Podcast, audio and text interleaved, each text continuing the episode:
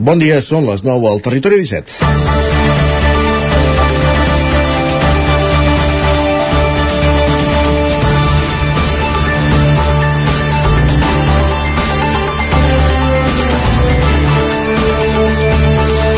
I quan encara estàvem repassant resultats i intentant analitzar la complexa situació que, de com quedaran alguns ajuntaments després de les eleccions de diumenge, com qui no vol la cosa, eleccions generals pel 23 de juliol i la població unànima se sent representada per les reaccions que comencen a córrer per les xarxes socials de les periodistes Àngels Barceló, Helena García Milero Laura Rossell.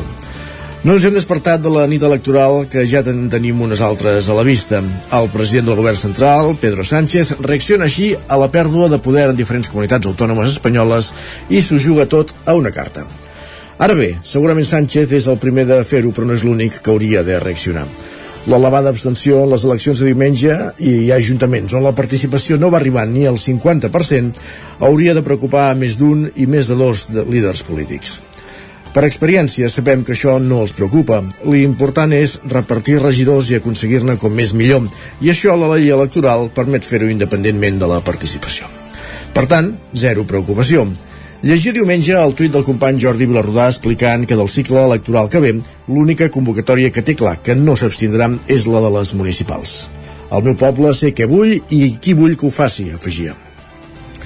Si l'opinió de Vilarrodà és una tendència, ho veurem en els següents comicis, i potser aquells que ens havien de dur a Ítaca i han canviat o relaxat objectius davant la repressió, que també afecta altra gent que han deixat a l'estacada, entendran que, que hi ha qui espera nous lideratges que culminin el camí i potser ho entendran quan la baixa participació reverteixi també en baixa representació. Territori 17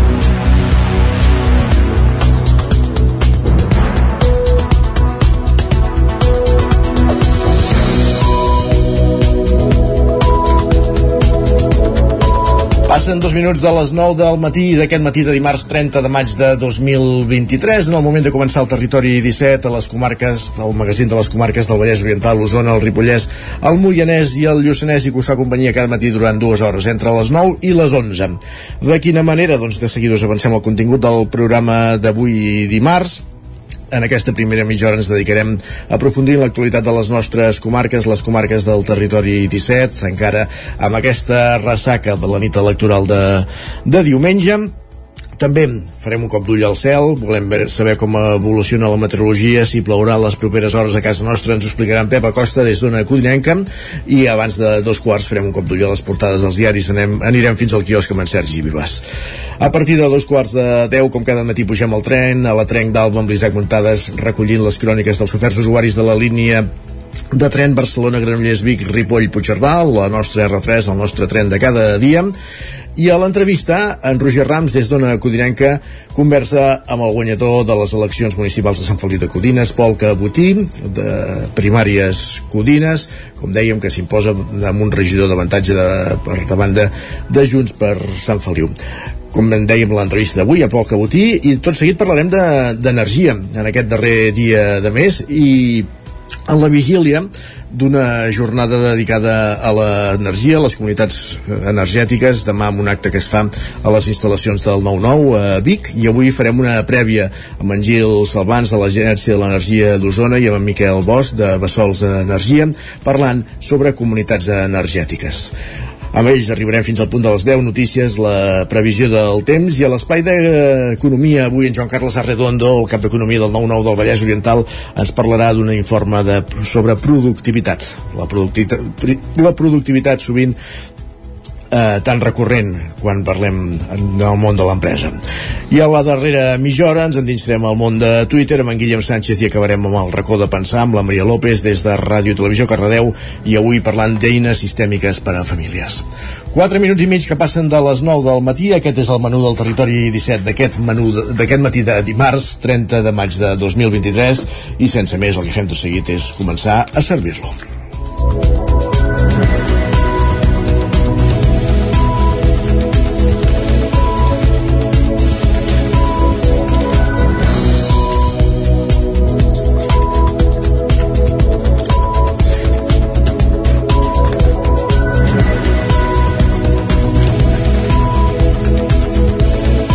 El Banc dels Aliments organitza un nou recapte pels dies 2 i 3 de juny amb el nom Operació Quilo per omplir les reserves actualment que actualment són molt baixes. Roger Rams, zona codinenca. codinenca. Sí, la Federació Espanyola de Bancs d'Aliments, que engloba els diversos bancs dels aliments de Catalunya, ha organitzat de cara als propers dies 2 i 3 de juny, és a dir, aquesta mateixa setmana, una campanya de recollida d'aliments extraordinària, però amb el mateix funcionament que el gran recapte de Nadal per tal de mirar de recaptar i omplir les reserves actualment molt baixes. Aquesta baixada en les reserves és fruit de l'augment de la demanda d'aliments que han experimentat els bancs els darrers mesos, però també és degut a que la Unió Europea ha reduït les seves donacions.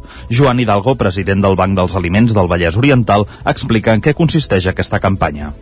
A nivell de tot l'estat espanyol, eh, la FESBAL, que és la Federació Espanyola de Bancos d'Alimentos, va decidir engegar una segona campanya de recapte. Que clar, no es podia dir gran recapte perquè la gran recapte més o menys té la titularitat de Nadal, no? Llavors es diu Operació Quilo, recollida de primavera. La, la idea és que col·laboressin totes les cadenes com a la gran recapta de Nadal. Llavors, bueno, pues la idea és tornar a fer una altra vegada similar a la gran recapta de Nadal, recollir productes i això es queda a l'entitat per poder-ho repartir. Hidalgo explica que els ajuts de la Unió Europea són vitals per tal de poder garantir el subministrament d'aliments. Ara, però, sembla que el mètode canviarà i en comptes de donar aliments, des d'Europa es dissenyaran targetes moneder que aniran a parar, però, als governs. Bueno, pues perquè era un programa que tenia l'Europea, saps que la Unió Europea treballa en programes eh, de quinquenals, de 5 anys. Aquest és un programa que es va aprovar en el seu moment, ah, ja es tenia que haver acabat l'any passat, perquè ja, ja acaba, que acabaven els 5 anys. El que passa que, bueno, suposo que van recollir alguna més de diners i van allargar-ho fins al 2023. I llavors, bueno, què donarà la Unió Europea? Algú donarà. Parla de la targeta Moneder, que donarà diners als governs, i els governs ho distribuiran amb el que s'anomena targeta moneder, una targeta de crèdit amb una quantitat de diners per anar a comprar un súper. Aquests propers dies 2 i 3 de juny, doncs, que els supermercats s'ompliran de nou de petos blaus del Banc dels Aliments. Els principals aliments que reclamen en aquesta ocasió, ja que actualment són els més escassos a les reserves dels bancs, són l'oli, la llet i les conserves. Doncs cita per una nova edició del Gran Recapte. Gràcies, Roger. Nosaltres que avancem més qüestions al territori 17. Ara sí, continuem amb la ressaca de la nit electoral. Sumem per Can de Bànol, s'imposa Can de Bànol, però haurà de pactar per governar Isaac Montades des de la veu de Sant Joan. Victòria de Sumem per Can Davant, la llista associada a Junts per Catalunya, que va obtenir quatre regidors amb un 33% dels sufragis i 539 vots. La candidatura encapçalada per Oriol Lázaro no ha aconseguit la majoria absoluta i necessitarà pactar amb almenys un altre partit per governar. A Can Davant, l'escenari ha quedat molt fragmentat, amb Esquerra, Gent de Poble i el PSC amb dos regidors cadascun i un de la CUP. Lázaro tenia clar que Sumem ha d'encapçalar el govern del consistori i que volia que hi hagués el màxim de forces possibles. Hi ha hagut primers contactes, molt superficials. Ens cal una sumna força, sí, però ens agradaria poder aglutinar el màxim de sensibilitats possibles, també, perquè al final el que volem és treballar pel poble amb el màxim de forces i el màxim de consens possible. No, no posarem noms ni sigles, però, però sí que m'agradaria que el projecte fos el més plural possible. I, evidentment, nosaltres hem doblat en nombre de vots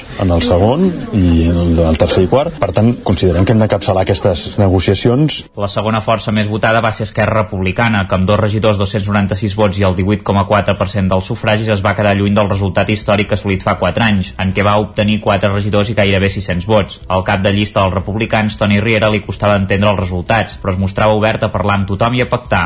Estem una mica estranyats de que després de les llavors que hem plantat durant 4 anys, de que bueno, els resultats obtinguts. Sí que és cert de que junts que venien de fora i desconeguts hagin obtingut els resultats que han obtingut, cosa que per una part sí que ens han vingut a veure per parlar amb nosaltres, que nosaltres sempre hem estat oberts a tothom. Per la seva banda, l'actual alcaldessa Dolors Costa, que liderava la llista d'independents pel Ripollès de gent de poble, va quedar-se amb només dos regidors, 279 vots i un 17,4% dels sufragis, un resultat que li farà perdre l'alcaldia i en què creu que ningú va guanyar excepte els socialistes. Panorama és d'incertesa total, almenys per part meva, eh? Jo el veig molt incert, s'haurà de pactar, s'haurà de governar en minoria, o sigui que s'haurà de fer, però evidentment que s'hauran de fer moviments perquè no hi ha hagut un resultat contundent com per poder anar amb majoria absoluta o amb minoria simple amb cinc regidors. En realitat no hi ha hagut cap guanyador clarament visible, un dels grans triomfadors de la nit electoral va ser Xavier Capdevila, el candidat de 100% Can Davant, la llista associada al PSC, que es va quedar dos vots de costa amb 277 i el 17,2% dels sufragis. Més qüestions. Al Bisaure, la CUP ha obtingut una majoria absoluta les a les, i les alcaldies de Sant Quirze de Besora i Montesquieu. A Sant Quirze, el retorn del bipartidisme a l'Ajuntament ha suposat la consolidació de David Solà com a alcalde. Amb les eleccions Som Poble, llista vinculada a la CUP, s'ha fet amb 7 dels 11 regidors del consistori. Solà mentre una alca manté una alcaldia que ja ha ostentat des del 2019 arran del pacte entre el seu grup i Esquerra Republicana, que sumaven majoria per davant del grup guanyador, Junts. Ara els postconvergents han reculat fins als 4 regidors. La llista de Som Poble ha integrat membres d'Esquerra, que aquesta vegada no han presentat candidatura. Sentim a David. Per tant, moltes gràcies a totes les persones que ens ha votat. Realment sí que ens ha sorprès, perquè lògicament Sant Quirze hi havia un vot tradicional, hi havia una esquerra amb un vot molt fidelitzat que desapareixia, hi havia un, un Junts, antiga Convergència, que també tenia un vot molt fidelitzat que l'havia de continuar tenint, per tant no sabíem què passaria amb el vot aquest fidelitzat d'Esquerra i no sabíem què diria la gent de la gestió que hem fet aquests quatre anys. Pel que fa a Montesquieu, Carles Colomo serà el nou alcalde.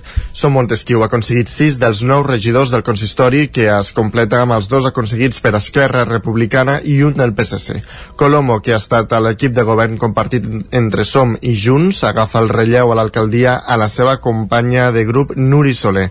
El panorama és molt més clar que el 2019, quan Esquerra va guanyar amb tres regidors i Som Montesquieu i Junts en van obtenir dos cadascun. Aquest mandat al municipi hi ha hagut tres alcaldes.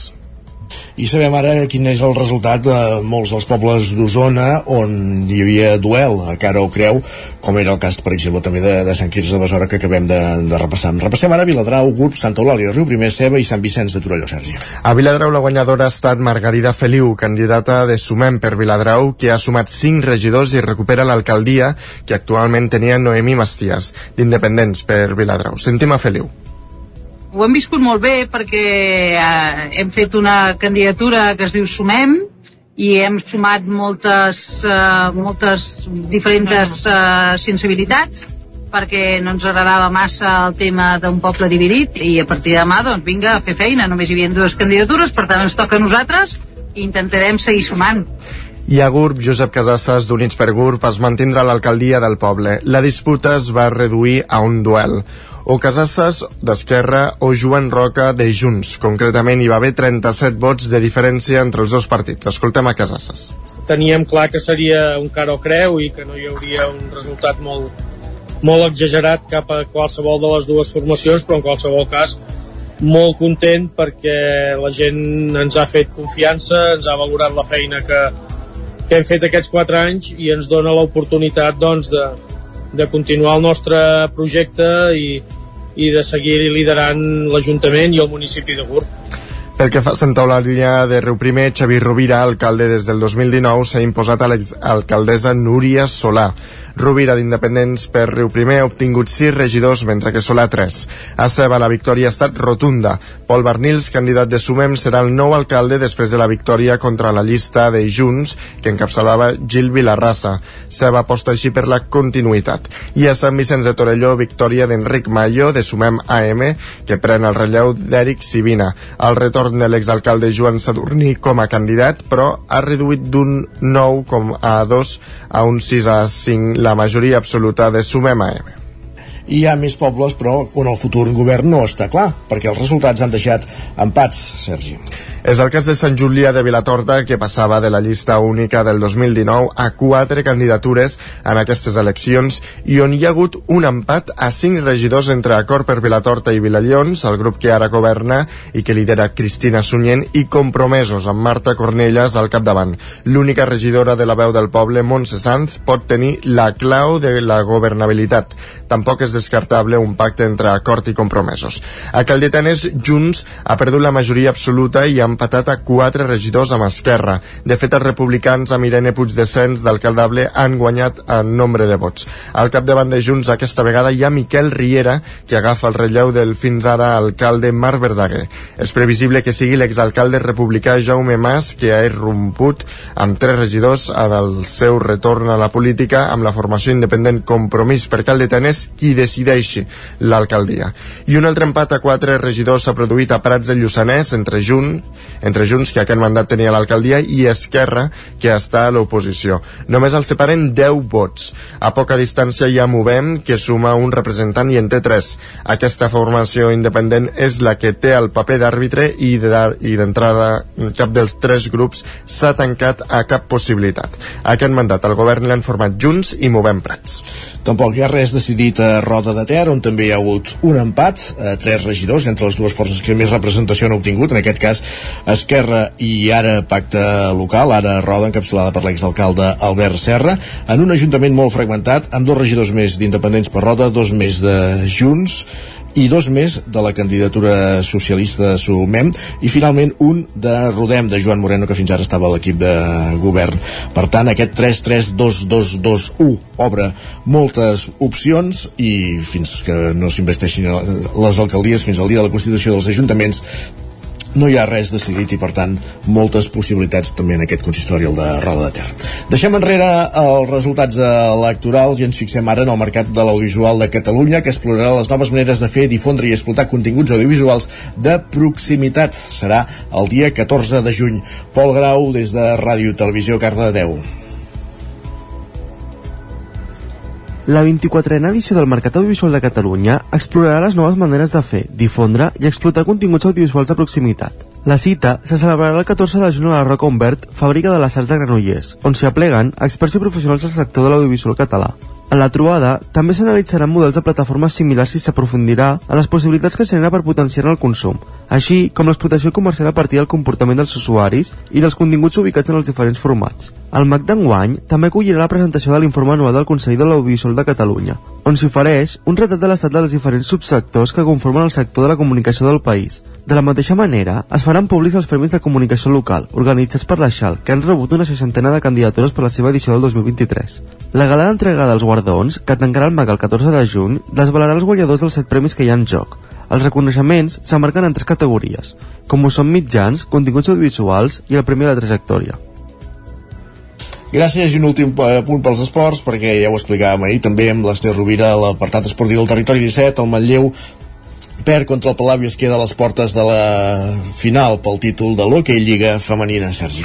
Tant les manlleuenques com les vallesanes van haver d'entrar d'anar al tercer partit després de la victòria del Manlleu al primer per 2 a 1 i la del Palau al segon per 3 a 0 i el duel definitiu per passar a la final del playoff pel títol de l'Hockey Lliga Femenina se'l van adjudicar les vallesanes pel mateix resultat que divendres, de manera que ara es veuran les cares amb el telecable. L'entrenador del Manlleu, Jordi Boada, explica que malgrat tot, aquesta ha sigut una bona temporada. Bueno, jo crec que han sigut sensacions diferents, no? El primer, el primer partit a casa vam fer un gran partit, estava molt còmode jugant a casa, el del divendres sí que bueno, vam estar més lluny del nostre millor nivell, potser amb una mica de responsabilitat pensant doncs, que si guanyàvem ja passàvem, i jo crec que avui doncs, hem fet una gran primera part, eh, molt igualada, sabíem que era un partit de, de desgast i ha sigut una pena perquè al final doncs, bueno, se'ns ha escapat més d'hora de del compte, no? volíem apurar una mica més, i fer patir més el Palau i mantenir més les opcions. Però bueno, jo crec que en general i la temporada hem fet una gran temporada amb, amb l'equip, tal, tal com ens ha anat i bueno, podem marxar satisfetes malgrat doncs, bueno, la derrota d'avui. El de diumenge va ser l'últim partit d'Elisabet Gurri, la capitana del Manlleu, que ha decidit penjar els patins. Emocionada explicava com ha anat tot. Bueno, emocionada perquè al final acabar també sempre sap greu, no? I, acabar d'aquesta manera, ja no pel resultat, sinó veient que, que la gent la tens al costat i que, i que no estàs sol, pues, això agrada. Hi ha diversos motius i a nivell laboral i, i tot, pues, cada cop és més complicat poder-ho combinar tot, també eh, el fet d'estar lluny i, i haver de fer quilòmetres, el temps, tot això, pues, al final amb els anys et vas adonant que, que cada cop costa més. En finalitzar el partit, els dos equips van fer un passadís a la capitana emocionada, sens dubte, Elisabet Gurri després d'aquesta llarga etapa al Club Patí Manlleu que acaba amb aquesta temporada. Gràcies, Sergi, acabem aquí aquest repàs informatiu que començàvem al punt de les 9 en companyia de Sergi Vives, Isaac Muntades, Pol Grau i Roger Rams. Moment de saludar també en Pep Acosta. Que qui és en Pep Acosta? Doncs el nostre home del temps.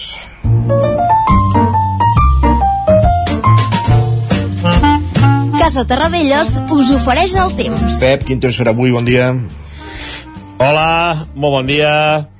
ja tornem a estar aquí, com sempre, a l'espai del temps. Eh, què tal, com va tot? Espero que molt bé. Fantàsticament, i tu? Eh, temps típic eh, de maig, temps típic de final de primavera. Hi ha un anticicló a les Illes Britàniques eh, que és, és, és habitual, eh? És habitual aquest anticicló a les Illes Britàniques durant aquestes eh, dates.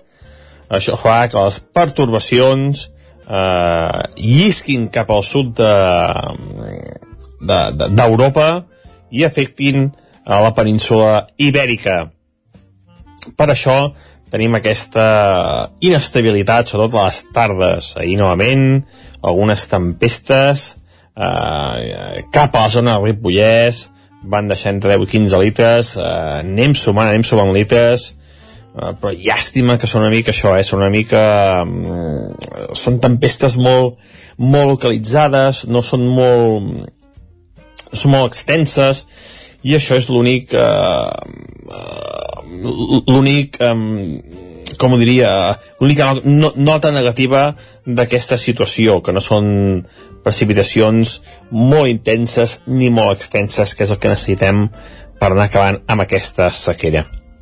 Uh, avui, avui al matí les temperatures són uh, fresques a les zones de muntanya, uh, molt suaus com al peritoral, uh, un matí típic de, de, de finals de, de maig, amb força sol, però ja hi ha algun núvol, eh? ja, es, ja es veuen alguns núvols, i és que avui la situació és més insegura. Avui hi haurà més tempestes, afectaran a més municipis, a més comarques, i també la intensitat serà més important.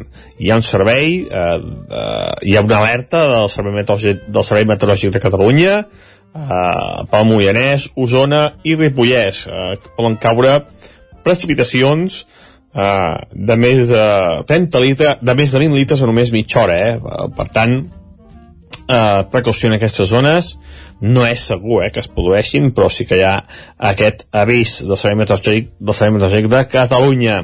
Uh, doncs això, avui, avui les precipitacions sí que seran uh, més importants i més extenses. Uh, hi ha més condicions, hi ha més inestabilitat i això farà que les tempestes a la tarda siguin uh, més, més importants.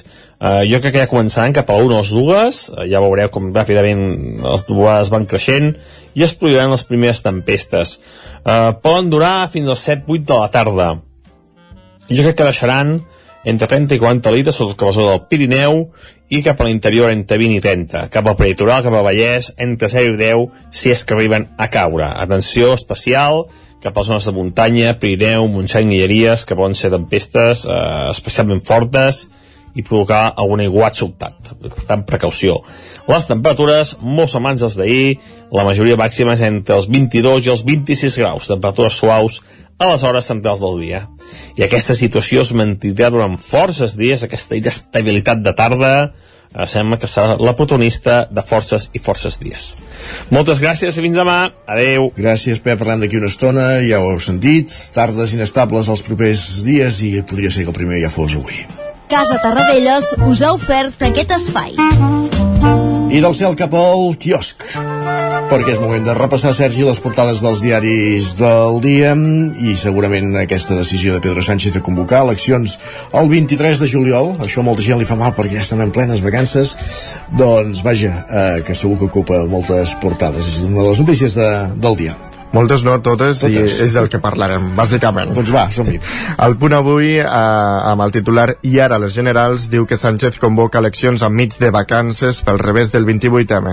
Expliquen que es tracta d'un gir de guió amb un 23 de juliol a tot o res per intentar aturar el PP i Vox. Diuen que Junts proposa una llista independentista d'unitat per combatre l'abstenció de diumenge, una reflexió obligada de l'independentisme, diuen, que ha desmobilitzat un uns 300.000 votants. La Vanguardia diu que el president assumeix en primera persona la desfeta socialista a les autonòmiques i municipals i avança les generals per evitar el que el desgast s'accentui. Diuen que Feijó veu la cita electoral l'oportunitat per culminar el canvi del 28M. També diuen que la llei de famílies i la del defensor bancari decauen per l'avanç electoral. Lara diu que aquest anunci només deixa 10 dies a Podem i Sumar per decidir si aniran junts o no. També destaquen que les eleccions del 23 de juliol es faran en plena presidència espanyola de la Unió Europea i en premsa espanyola al país, també sobre les eleccions destaquen unes paraules de Sánchez. Diu que el millor és que els espanyols prenguin la paraula per definir el rumb polític del país. El cap de l'oposició, mentrestant, diu que hem donat el primer pas, però el sanchisme encara no ha sigut derogat. L'ABC, en canvi, diu que els barons del PSOE culpen a Sánchez i descarten una remuntada el 23 de juliol.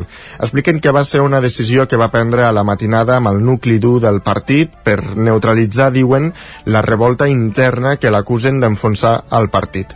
I així continua el Mundo. Diu que els dirigents del partit acusen a Moncloa d'arrastrar a tots al desastre i adverteixen de la seva estratègia suïcida i aquest diari, de fet, ja ha començat a fer campanya per la dreta.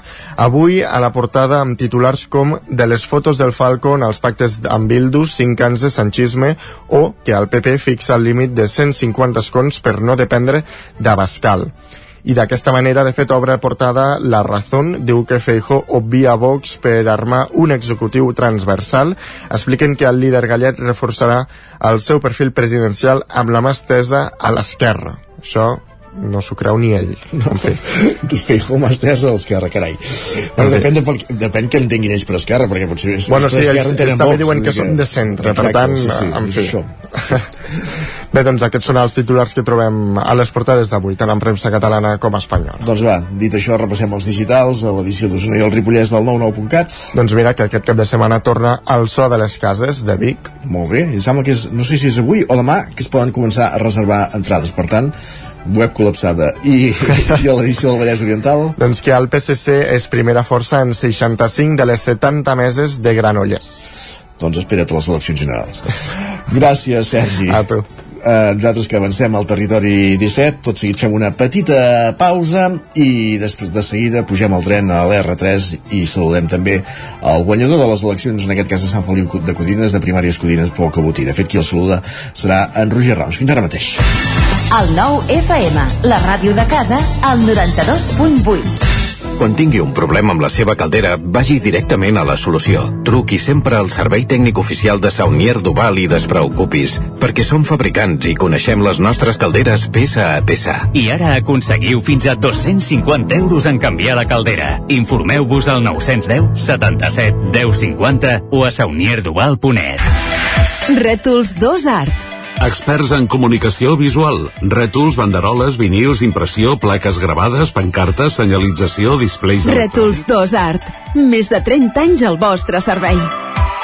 Ens trobareu a la carretera de Vic a Olot número 7, al polígon Les Casasses de Vic, dosartvic.com, telèfon 93 889 25 88. Estàs preparat per aquest estiu? A Boi Galter som especialistes en tot allò relacionat amb la protecció solar per a qualsevol necessitat d'espai, tendals, pèrgoles, escrins interiors. Anticipa't a la calor. T'assessorem i t'oferim la màxima garantia de confort i benestar per casa teva. No ho dubtis i vine a Boi Galtés. Ens trobaràs al carrer Jaume I de Vic número 5 al 93 886 1420 a la nostra web www.boigaltes.com i també som a Instagram boigaltes.tendals. Per moure't, lloga un cotxe ALR. Per moure la família, lloga un minibús ALR. Per moure coses, lloga una furgoneta ALR. Per moure la casa, lloga un camió ALR. Lloguer de cotxes, furgonetes i camions ALR. Ens trobaràs al carrer Francesc Sant Climent 83 de Vic i també a Olot i Manresa. Informa't en el 93 888 60 57 o bé consulta el web alr.cat. El 3 de juny vine a Sant Julià de Vilatorta perquè arriba Keràmic, la festa d'experiències en fang des de les 10 del matí fins a les 9 de la nit al Parc de les Set Fonts experimenta amb tallers, torneja en una masterclass o simplement contempla tot el que es pot fer amb el fang al mercat o a les exposicions, entre d'altres. Consulta més informació i el programa d'actes complet a keramic.cat. T'esperem. Ja tenim aquí la rebella de Sant Joan. Prepara't! A Manli seleccionem el millor en pirotècnia, bateries, bengales, trons, coets, els millors preus, ofertes tots els dies de rebella i tot l'any. Visiteu el catàleg a manli.cat. Manli, al carrer Ramon Soler, telèfon 93 889 0484. Vic, Sant Joan, ja és aquí. El nou FM, la ràdio de casa, al 92.8.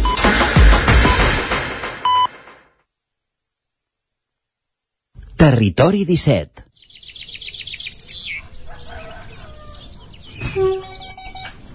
A Tren d'Alba. Cada dia els usuaris i usuàries de la línia R3 de Rodalies que veuen sortir el sol des d'un vagó ens expliquen les gràcies i les penes del primer comboi que uneix Ripoll i Barcelona o les feixugues jornades amb el tren després de treballar. Benvinguts a Tren d'Alba. Us deixo directament amb la crònica d'en Jordi Valls d'avui, que té moltes coses per explicar-nos. Bon dia, sóc en Jordi de Centelles. Avui el tren ha arribat un minutet tard. Sí, sí, portem una temporadeta bona. Em fa por, eh? Això és com la tranquil·litat abans de la tempesta. La tempesta imagino que serà entre l'1 d'agost i el 15 de novembre que fan els talls per les obres. Almenys això ha sortit al concurs del servei d'autocars. Ai, quina por. Mama por. Va, us comentaré coses més divertides. Avui ens hem fixat, amb una companya del tren, què fa la gent al tren quan baixa. Doncs des de gent al mòbil guanya. Algú llegeix, nosaltres xerrem molt, som una mica així de lloros, xerrem molt, però hi ha gent que fa ganxet, hi ha gent que fa deures, eh, les estudiants quan baixen aquests dies veus que estan repassant a punts tot amb fosforito, tot marcat, i dius, si us plau, que tingui sort, perquè les veus cada dia, i al final eh, seiem tots més o menys als mateixos llocs, i t'aprecies aquella gent que encara que no has parlat mai o has fet un somriure per la certa passada, doncs sempre baixa amb tu.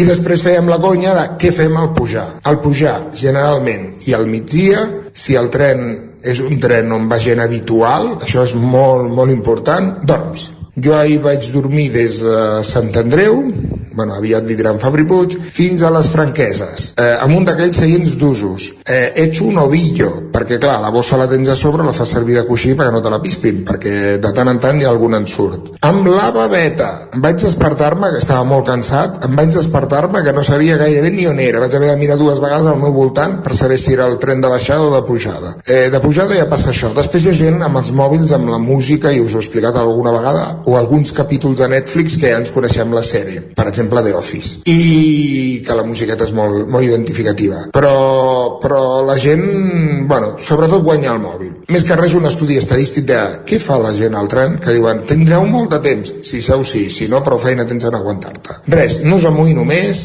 demà dimecres, avui, si ens hem aixecat ja no compta, i vinga, endavant, i moltes gràcies. Adéu-siau. Ep, ja es comença a notar aquest regidor electe de l'Ajuntament de Centelles, perquè els trens comencen a anar bé. Molta gent crec que no coneix l'existència dels auriculars. També és veritat que ara diuen que van malament per la oïda. Les coses positives d'escoltar música i sèries és que tens entreteniment gratuït durant el viatge, però això és una arma de doble tall, perquè com algú se li acudeixi posar heavy metal de bon matí, potser no ho expliqueu. En fi, sigueu persones civilitzades i conscients que al tren no hi viatgeu sols. Va, ens retrobem demà amb més històries del tren i de la R3.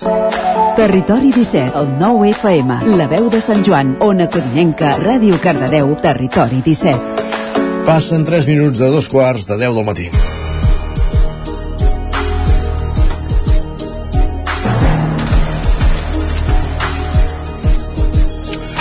Com us anunciàvem abans, avui l'entrevista anem fins a una codinenca, on en Roger Rams conversa amb el guanyador de les eleccions del 28 de maig a Sant Feliu de Codines, Pol Cabotí, cap de llista de primàries Codines. Formació que va guanyar els comicis, com dèiem, amb un 43% de vots i 6 regidors. Roger, benvingut, bon dia.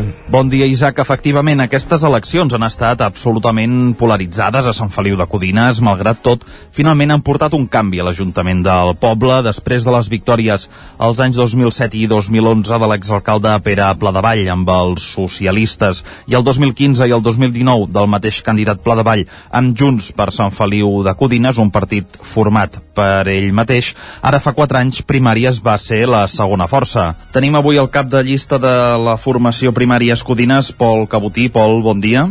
Hola, bon dia. Primer de tot, enhorabona per la teva victòria aquest diumenge. Moltes gràcies, moltes gràcies eh, aquí a, a la gent de Sant Feliu de Codines per fer-nos confiança i, i fer-nos guanyadors d'aquestes d'aquestes eleccions municipals. Ara que ja fa més de 24 hores des que coneixem els resultats de les municipals, deixa'm preguntar-te com estàs. Doncs, doncs la veritat és que, és que encara païno. El diumenge va ser un dia molt emocionant, d'emocions molt fortes, com totes les jornades electorals, vam passar amb, amb tot l'equip moltes hores al centre cívic. I, i clar, després, després amb els resultats doncs també ens vam permetre celebrar una mica, vam sopar tots junts al, al, al local de Can Triste, que és el local que hem tingut de campanya, i, i ja de, ahir a primera hora del matí jo ja anava a treballar a l'institut i per tant no he tingut temps de, de pair-ho, però, però sí que em sento amb moltes ganes, amb, molt, amb molta motivació, eh, l'equip vam, vam, vam aconseguir eh, el nostre objectiu i, i això ens motiva molt per començar a treballar i començar a construir aquest nou Sant Feliu. Esperaves aquests resultats? La veritat és que era l'expectativa l'expectativa era, era guanyar, sí. Nosaltres des de, en el moment que vam en el moment que vam començar a treballar i vam construir aquest projecte, era un projecte per, per governar Sant Feliu i, i, el que, i el que explicava en campanya era que necessitàvem la força i la majoria necessària per liderar aquest canvi, aquest canvi que proposàvem i que ja la gent va voler que primàries el liderés el 2019 i calia consolidar-ho i fer-ho i fer-ho inevitable. I, I per tant el resultat eh, sí, era l'esperat. Mm -hmm. Com sempre ens hagués agradat, ens hagués agradat eh, arribar a més gent, arribar també a convèncer a, a tota la gent que no ens ha votat, però, però d'això ja tindrem temps. Ara anem a veure una mica els resultats. Teniu sis regidors, la majoria absoluta a l'Ajuntament de Sant Feliu de Codines està amb set. Tant el PSC com Junts per Catalunya en tenen un. Heu començat a establir algun contacte amb alguna d'aquestes forces? Uh, hem, hem, hem, establert, hem establert algun contacte. Nosaltres tenim clar que per tirar, per tirar endavant aquest canvi eh, tenim la tasca ara de construir un govern sòlid per aquests quatre anys i, i, i els esforços aquests dies aniran en aquesta direcció. Nosaltres intentarem parlar amb el, amb el màxim nombre de regidors i regidores escollides pel poble. La nostra voluntat, eh, com dèiem, és de sumar amb, amb tots aquells que comparteixin la nostra forma de treballar i els nostres valors. I aquí també volem posar en valor que primàries ja, ja és un pacte entre, entre persones. Nosaltres no responem a unes, a unes directrius de, de, de partit i, per tant, som, som persones que ens podem entendre des de les nostres diferències, des dels nostres punts de vista. Eh, en, ens agrada treballar des del consens i això, i això també ho volem fer a l'hora de, de, de trobar aquestes enteses i aquests pactes per, per, per fer més sòlid el, el govern. Nosaltres entenem que un govern, un govern municipal, ha de ser un equip que es basi en la confiança mútua entre els regidors i regidors que en formin part, i això serà un punt clau per, per, per incorporar-hi persones. Nosaltres estem convençuts que trobarem, que trobarem aquesta entesa. Uh -huh. Bé, vosaltres eh, ens comentes que sou un, un pacte entre persones que no responeu a cicles de cap gran partit. Les altres dues forces que han tingut representació sí que, sí que són grans partits, diguem, a un àmbit espanyol i l'altre en àmbit català. Potser això eh, els pot impossibilitar de pactar entre ells. No sé si ho heu contemplat, això. És a dir, els, els pot impossibilitar pactar entre el PSC i Junts Pregunto. Seria, bueno, això, seria un pacte segurament que... no em toca valorar-ho valorar i opinar-hi jo, però, però, però hem vist com PSC i Junts pactaven en altres, en altres institucions, almenys fa, fa quatre anys, i, i, i, i per tant no sé, no sé fins a quin punt això representa una incompatibilitat a nivell municipal. Eh, nosaltres amb, amb, amb, amb l'Anna Maria Vilarrassa eh, estem amb, amb ella sí que ja hem fet el contacte i ens hem emplaçat per, per aquesta setmana. Encara no tenim fixat el dia perquè, perquè sí que el que ens han comunicat és que primer volen fer una valoració també, eh, tots els partits han comunicat que volen fer aquesta valoració també a, a nivell intern. Però amb l'Anna compartim visió de poble, ho hem vist durant la campanya, i també de país, i això realment és un molt bon punt de partida per, per, per acabar trobant una entesa però ens hem de seure i, i treballar. De moment, eh, nosaltres, eh, quan tinguem llum verda eh, per, per començar a buscar aquestes, aquestes possibles aliances, doncs ens, ens posarem a treballar. Uh -huh. no, no teniu cap preferència, és a dir, no, no us agradaria pactar amb algú més que amb altre, eh? Home, sí, evidentment, evidentment amb, amb, amb, amb Junts eh, per Catalunya compartim mm, molt més que, que amb el PSC, tant a nivell de país com a nivell d'entendre de, el que és un govern municipal. Uh -huh. Teniu alguna línia vermella, Pol, a l'hora de traçar aquests pactes o acords? És a dir, algun punt en què digueu mm, primàries no pactarà? A veure, nosaltres, eh, com he dit abans, eh, intentarem obrir el màxim nombre de regidors. Nosaltres ens agrada parlar també de, de, de que ara som 13 representants de, del poble i, i aquí és on hem de buscar les, les, les majories per, perquè hi hagi un govern cohesionat i que al final treballi també nosaltres volem treballar també per guanyar-nos la confiança de tota aquella gent que no, que no ens ha votat. Llavors, les, els, nosaltres hem plantejat la candidatura com una candidatura que té un model de treball, un model primari, és un model que escolta i que fa participar la gent. Per nosaltres això és, és imprescindible i també és una candidatura basada en valors, amb, amb aquests quatre valors que posicionàvem de la República Catalana, el feminisme, la sostenibilitat i, i, i la participació i la transparència. No? Llavors, aquestes serien, com si les nostres, les nostres condicions, i com et deia abans, també ens interessa molt, és a dir, també volem governar amb un, amb un govern que es vagi amb la, amb la confiança, que vagi molt més enllà de repartir-se carteres i de dividir-se la feina. Nosaltres el que volem eh, és trobar persones que vulguin sumar-se a l'equip que ha de construir aquest nou Sant Feliu, i això, i això en, clau, en clau de govern, però després estem convençuts que, que per trobar punts d'entesa amb altres formacions per aprovar i tirar endavant projectes per Sant Feliu, aquí eh, intentarem treballar des del consens. Aquí creiem que també es veurà un canvi, perquè portem dècades que els governs eh, d'alguna forma han anat imposant les seves majories i nosaltres tenim ganes de fer-ho diferent. Nosaltres volem treballar des del consens i sobretot eh, en projectes que siguin essencials, sobretot en aquests projectes que identifiquem com a, com a essencials eh, i vitals per a aquest nou Sant Feliu de Codina. Contempleu l'opció de governar en minoria i pactar en aspectes concrets durant la, la legislatura, el mandat? Sí, és una, és una, és una opció que, que no és la preferible per nosaltres, perquè, com deia, volem, volem un govern sòlid, però, però tampoc ens fa por, tampoc ens fa por governar en minoria si, si, si, el, si, si els pactes no arriben, no arriben a bon port, si aquestes, si aquestes aliances, si no trobem aquestes aliances. Um, en aquest sentit, eh, no ens fa por perquè, perquè, perquè som un equip de regidors preparats i, i a punt per treballar i també perquè per això que et deia, perquè, perquè encara que governem en minoria, el nostre, tant si governem en minoria com amb, com amb una majoria estable, la nostra forma de treballar, i no hi renunciarem, és la del consens, la de seure'ns amb, amb, amb les altres formacions, eh, per, per acordar i per consensuar al màxim tots aquests aspectes pro, més programàtics i més de projectes que, que, és el que necessita Sant Feliu. Uh -huh. Ja per acabar, Pol, sou una força que aposta pel canvi. Per on voleu començar aquest canvi en cas de que tu siguis l'alcalde? Què seria el primer que, que canviaries? A veure, ara mateix estem, estem molt centrats en, en la formació de govern, però nosaltres eh, com t'he comentat, el primer, un cop, un, cop, un cop això ho tinguem, ho tinguem fet, nosaltres ja, ja explicarem quins seran els primers passos d'aquest govern, perquè si, si també ara, ara explicar el primer que farem quan estem en un, en un punt on també ens hem de seure i hem de, i hem de buscar aliances, crec que també és, és, és, és de respecte per les altres formacions que també, que també hi voldran a dir eh, no, no, no avançar-ho tampoc, aquestes primeres accions que, que volem que volem dur terme, però, però sí que puc parlar d'aquest canvi de model, això que et deia. Mm, un govern molt més obert, molt més proper a les persones, que, la, que, que els faci participar, que faci participar la ciutadania de la, de la presa de decisions.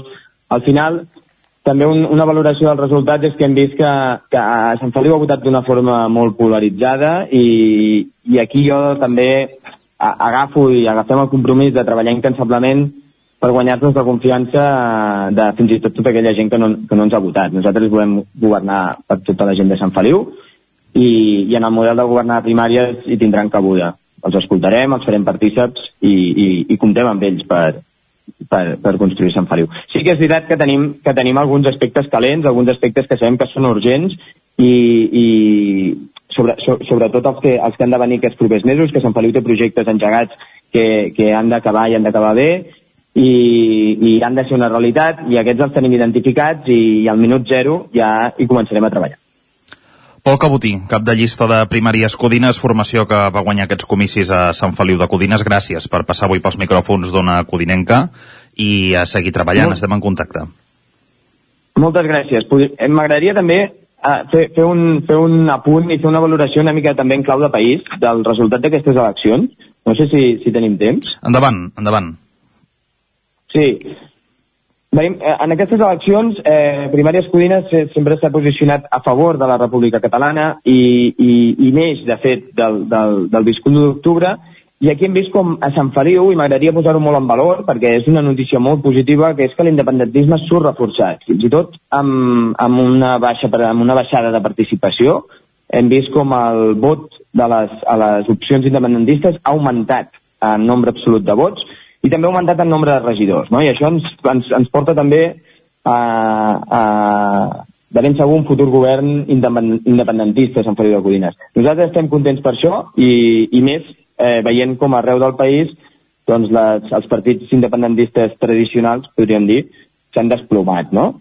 S'han desplomat una mica i han, i han, i han caigut en, aquesta, en, el, en general, no? el còmput global. I el que ha passat a Sant Feliu, doncs creiem que també hauria de fer reflexionar hauria de fer, fer una reflexió a aquestes eh, formacions perquè la gent demana i vol votar eh, models alternatius, eh, no, es tracta, no es tracta tampoc eh, de, de fer un discurs molt anti contra els partits. Jo no crec que n'haguem de prescindir, però el que sí que cal és, és opcions molt més generoses i més valentia per, per, per, per, per actualitzar i tornar-nos a guanyar la confiança de la gent. Jo crec que a Sant Feliu hem aconseguit representar tota aquella gent que l'1 d'octubre va votar a favor del país i que ara li està costant sortir a votar eh, governs tant, a, tant en els municipis com a la Generalitat.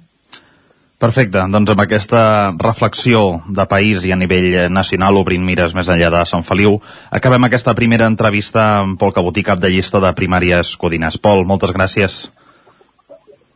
Moltes gràcies a vosaltres.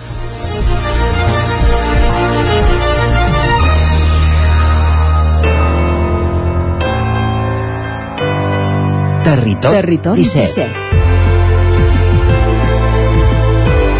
Territori 17.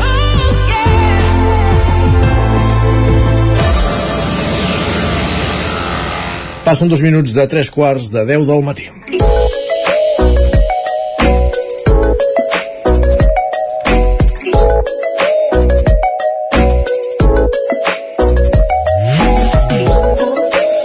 Comunitats energètiques són el futur?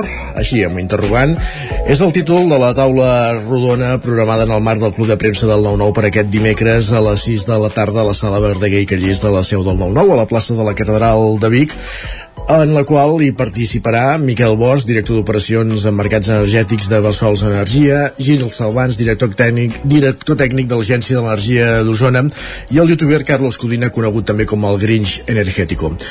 Per avançar eh, aquesta conferència de demà, aquest acte, aquesta taula rodona al marc del Club de Premsa del 9-9 sobre comunitats energètiques.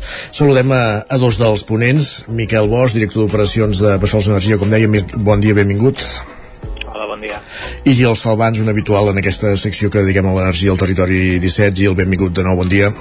Bon dia. Uh, com dèiem, uh, demà hi ha aquesta taula rodona parlant de comunitats energètiques, unes comunitats energètiques que produeixen la seva pròpia energia renovable de quilòmetre zero, estalvien la factura de la llum i contribueixen a un planeta més sostenible. Si us sembla, uh, podríem començar llançant aquesta pregunta que titula la, la conferència de demà. Són el futur o, o ja són el, el present, Miquel?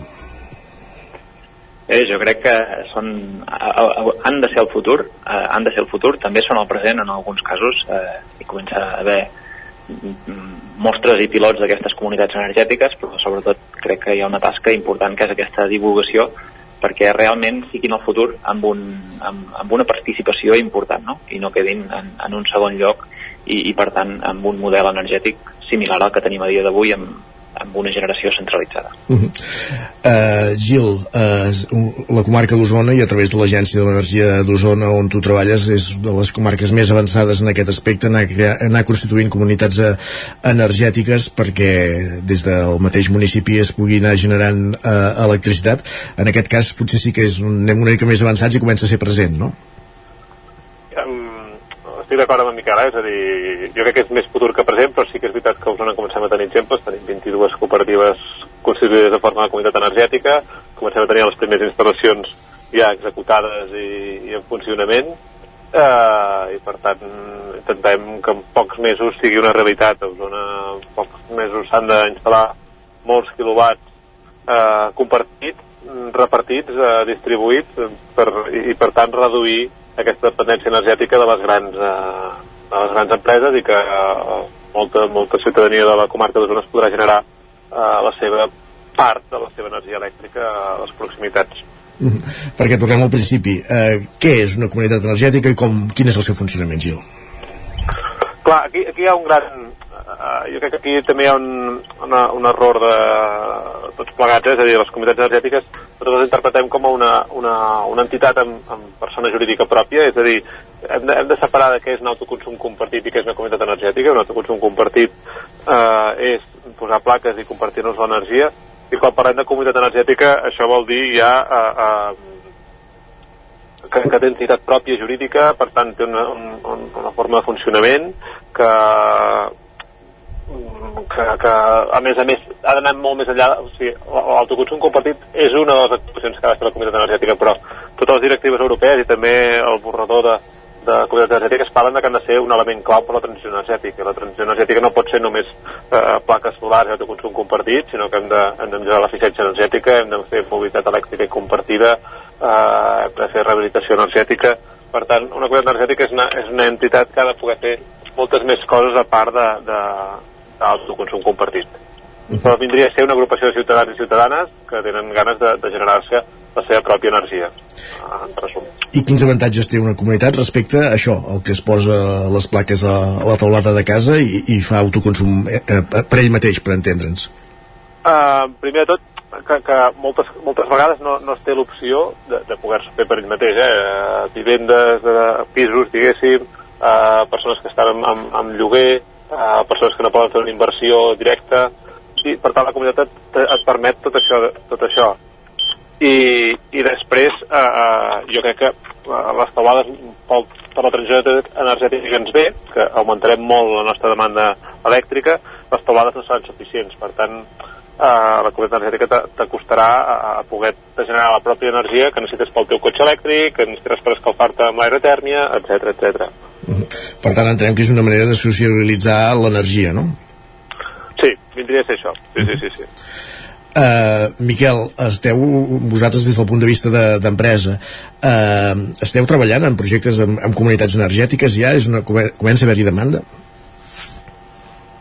Sí, per part nostra estem, estem col·laborant també amb, amb comunitats energètiques, la que tenim, amb la que estem treballant de forma col·laborativa i més avançada eh, és precisament a la ciutat d'Olot, a la comunitat energètica de Montolivet, i, i serà, diguéssim, aquesta, aquesta primera mostra no, d'aquest nou sistema de, de energètic i de, i de model de sistema energètic d'aquest futur que, que hauríem de preveure. Uh -huh.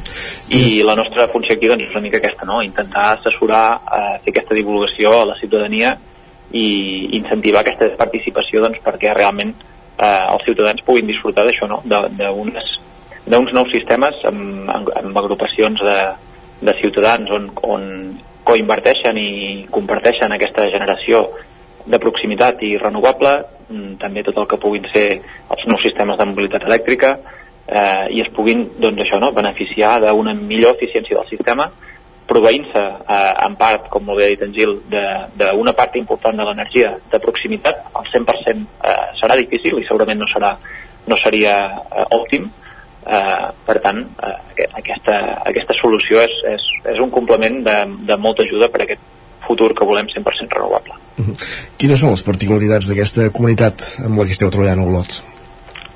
Ara mateix, com, com ha comentat en Gil, no, de, de, des d'un inici principalment s'origina, com, com moltes d'elles, eh, en l'entorn d'un autoconsum col·lectiu, no? un autoconsum col·lectiu, en aquest cas de, de 35 vivendes d'un barri d'Olot, eh, amb una instal·lació de placa solar sobre l'escola, facilitada, proveïda també per l'Ajuntament, i en la qual a partir d'aquest eh, autoconsum col·lectiu doncs, eh, es comença a fer, la, es crea la comunitat, com, com ha comentat, aquesta entitat jurídica, es crea l'entitat de comunitat energètica i aquest primer pas és aquest, eh, aquest estalvi a través de l'autoconsum, a més amb una instal·lació que feta de forma, de forma col·lectiva doncs, pot eh, portar uns costos unitaris de la, de la inversió menors.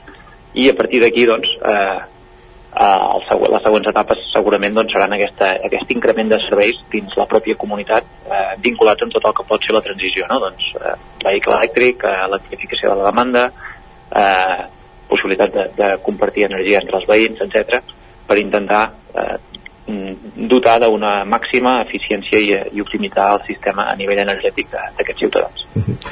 uh, evidentment, les comunitats energètiques o, o l'autoconsum d'energia està, està regulat. Ara ens parlàveu d'aquesta actuació que es fa en un barri de, concret d'Olot, perquè això amb en Gili ho hem parlat alguna vegada, uh, una de les coses que, que s'ha de tenir en compte a l'hora de fer una comunitat energètica són les distàncies entre els diferents uh, productors d'energia, no? Sí, correcte. Uh, ara mateix amb, amb instal·lacions uh, sobre teulat, no? per tant, en entorns urbans normalment, uh, sobre vivendes o uh, blocs de vivendes o, o equipaments, uh, la distància màxima de, de, que es pot uh, són dos quilòmetres. Però en entorns urbans al final uh, acaba no sent un problema, dos quilòmetres ja és una, una distància suficientment important i a partir d'aquí el que es poden fer són di, di, diferents cèl·lules de diferents comunitats i fins i tot podria acabar vinculant entre elles per fer una comunitat superior. Sí, sí. Uh, M'agradaria fer un salt en el temps, temps enrere, uh, mesos enrere vam parlar amb tu Miquel ja una, en una altra ocasió, també coincidim en un altre club de premsa, una altra col·laboració entre el 9-9 i, i Bessols Energia. Recordo d'aquella taula rodona que algú des del públic va sortir amb una factura de la llum d'un pis a Vic de, de determinades dimensions i se li va dir, clar, per, per l'energia que necessites en aquest habitatge no et, va, no, no et cal fer la inversió, diguéssim, per instal·lar plaques solars. És diferent, però, eh, a l'hora d'associar-se amb una comunitat energètica. Aquesta persona llavors sí que podria associar-se en aquesta comunitat i, i gaudir de, dels, dels avantatges que suposa formar part de la comunitat, d'alguna manera, no? Correcte, així és. Uh, així és. Quan, quan uh, analitzem l'opció d'instal·lar autoconsum amb, amb una vivenda unifamiliar, no? uh -huh. ja sigui aïllada o en, en, en bloc de vivendes, eh, estem parlant doncs, d'unes inversions bastant més elevades, però sempre de ser individuals, i que, diguéssim, per economies d'escala ha de tenir una quantitat de potència o d'energia consumida no? perquè sigui òptima eh, bastant elevada. No? Això, com, com moltes vegades passa, i és l'habitual no? amb, amb, amb blocs de vivendes, a més, que segurament no tenen la, la climatització electri electrificada, etc eh, es troben amb això, no? Eh, consums relativament, relativament petits perquè una instal·lació d'autoconsum sigui, sigui òptima, no? Perquè, diguéssim, eh, eh, una instal·lació d'autoconsum d'una petita potència, el seu cost unitari és molt més alt que a mesura que vas incrementant aquesta, aquesta potència de la instal·lació. No? I això és precisament un, una de les barreres que, que trenca i, uh, les comunitats energètiques on es permeten fer instal·lacions molt superiors, podríem ficar un exemple fàcilment d'uns 50 quilowatts, no? llavors aquests 50 quilowatts se'ls se puguin repartir a més amb, amb unitats més petites eh, als diferents, als diferents eh, usuaris de la comunitat energètica, amb el qual el cost unitari que podria pagar aquell exemple no, d'aquest eh, aquell oient de, com, de forma individual seria una instal·lació molt més petita, que segurament li podria arribar a costar la meitat que, que si se la fes eh, de forma individual per ell sol, i en el qual aquí sí doncs, ja tindria un, una, un, un retorn òptim d'aquesta inversió eh, degut a que s'ha estalviat aquesta, eh, una part important de la inversió inicial. Uh -huh. uh, ja anem acabant. Aquí, com dèiem, Osona hi ha, hi ha experiència en la constitució d'aquest tipus de, de comunitats. No sé si, si Gil, encara estem en l'estadi que qui forma part d'aquestes comunitats són les persones, els motivats, per entendre'ns, els que són conscients de, del que implica de, de, de compartir energia, formar part d'aquesta comunitat, i suposo que una mica per aquesta via que comentava amb ara amb Miquel, per la via de l'estalvi, és on, on s'ha d'arribar al gran gruix de la població, no? Sí, sí, així és. Eh? Normalment, jo crec que estem en un estadi ja una mica més avançat, és a dir, sí que els grups motors, els primers que impulsen aquestes comunitats són la gent més motivada, per dir d'alguna manera, la gent que, que, que està més, més conscienciada en aquest sentit, però sí que és veritat que a Osona tenim comunitats energètiques ja amb un nombre important de socis, a Balanyà estan a més de 200 socis, a, a Olost 120 socis, eh, estem parlant ja de, de volums grans a nivell de tot Osona, segurament estem parlant de, dels 1.200, 1.300 persones que formen part d'una comunitat energètica.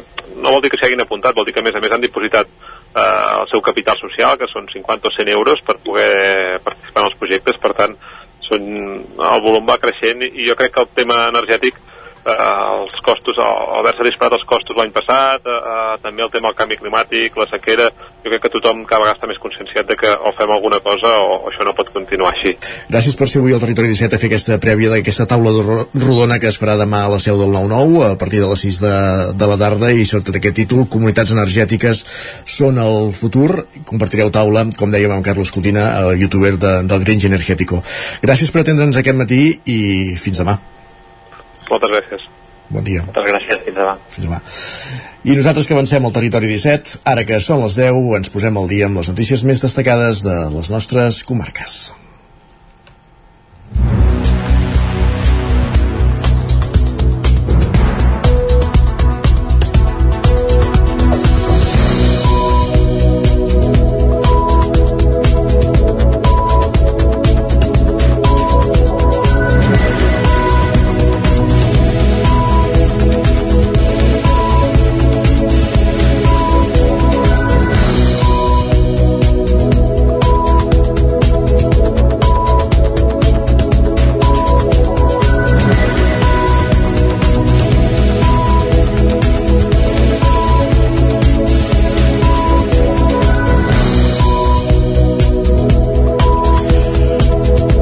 Un minut de les 10 del matí, moment d'actualitzar-nos, moment de posar-nos al dia al territori 17, el magazín de les comarques del Vallès Oriental, l'Osona, el Ripollès, el Moianès i el Lluçanès, que podeu seguir dia a dia a través d'una codinenca, Ràdio Cardedeu, la veu de Sant Joan, Ràdio Vic, el 9 FM i també Twitch, YouTube, el 9 TV i la xarxa més per explicar-vos aquesta hora el cas de la Irai, una nena de l'Esquirol que va néixer el 16 de juliol de 2014. És una de les 150 persones del món a qui s'ha detectat la malaltia minoritària AADC. El pronòstic inicial era que no arribés ni a parlar ni a caminar ha passat per un tractament i ara comença a caminar. Explica'ns aquest cas, Sergi Vives. Sí, doncs ara fa 4 anys, però va rebre una teràpia gènica a l'Hospital Brodno de Varsovia, una operació complexa que va consistir en l'aplicació de gens en cèl·lules del cervell que no funcionaven correctament. Una operació que els ha canviat la vida a l'Airal, a l'Airai, però també a la seva família. En parla la seva mare, Carolina Moreno. Doncs les expectatives que teníem nosaltres de la nostra vida era que l'Airai doncs, eh, només pogueu, pogués obrir els ulls i tancar-los i poca cosa més perquè no podia moure res més del seu cop del seu cos. La malaltia consisteix en que ella no pot eh, sintetitzar la, o no podia sintetitzar la dopamina ni la serotonina i això feia que el seu, el seu moviment no, no pogués, no pogués fer-lo i a més a més també afectava la son i, i els desitjos, per tant també el plaer, el poder descansar, tot plegat l'èxit d'una operació pionera que en aquell moment només havien rebut 9 infants a tot el món es va veure al cap de 20 mesos quan la Irai va començar a caminar. Una cursa de fons que a dia d'avui, segons eh, la mare, que continua requerint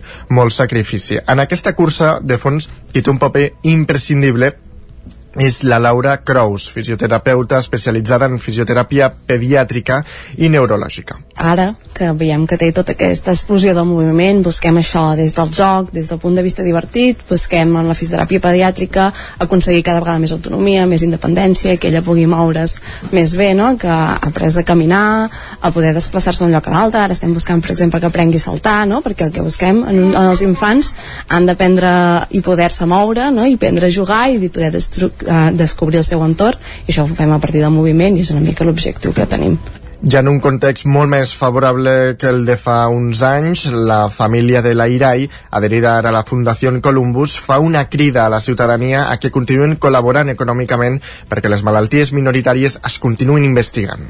Gràcies, Sergi. Continuem posant el focus encara en els resultats electorals en alguns ajuntaments dels nostres territoris, del nostre, de la nostra zona. Xevi Guitar, del PSC, aconsegueix una majoria absolutíssima a Camprodon, el Ripollès, escombrant Esquerra Republicana.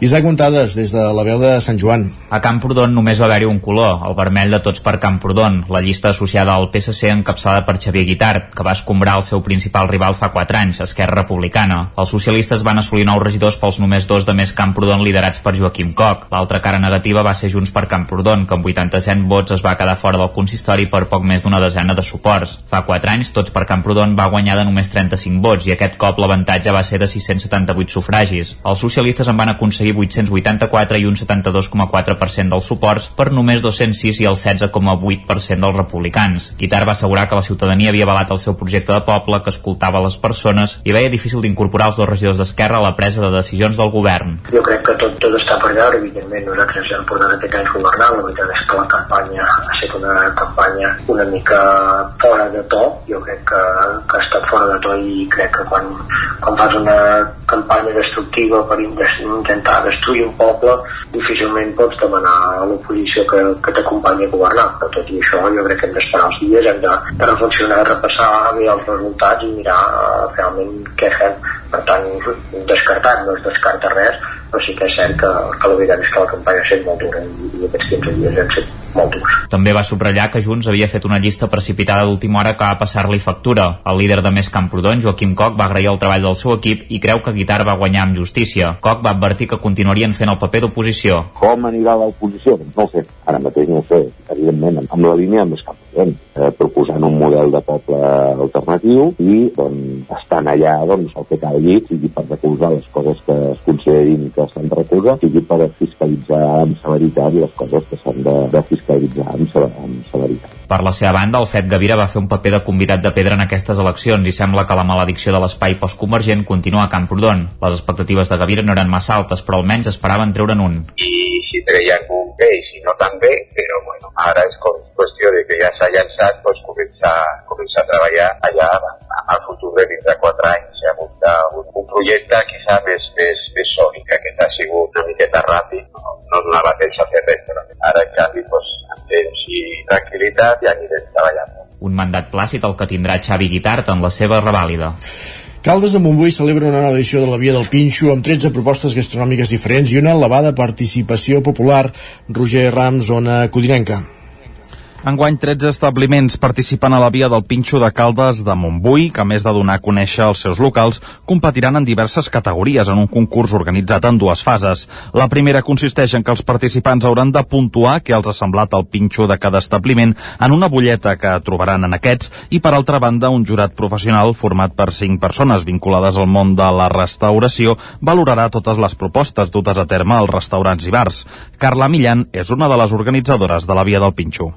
Um, aquest any farem la nostra sisena edició, uh, una sisena edició que torna pues, amb, amb 13 establiments participant, oferir les seves propostes per unes jornades gastronòmiques on volem apropar la cuina de proximitat i fomentar doncs, uh, el moviment social i la gastronomia a Caldes de Montbui.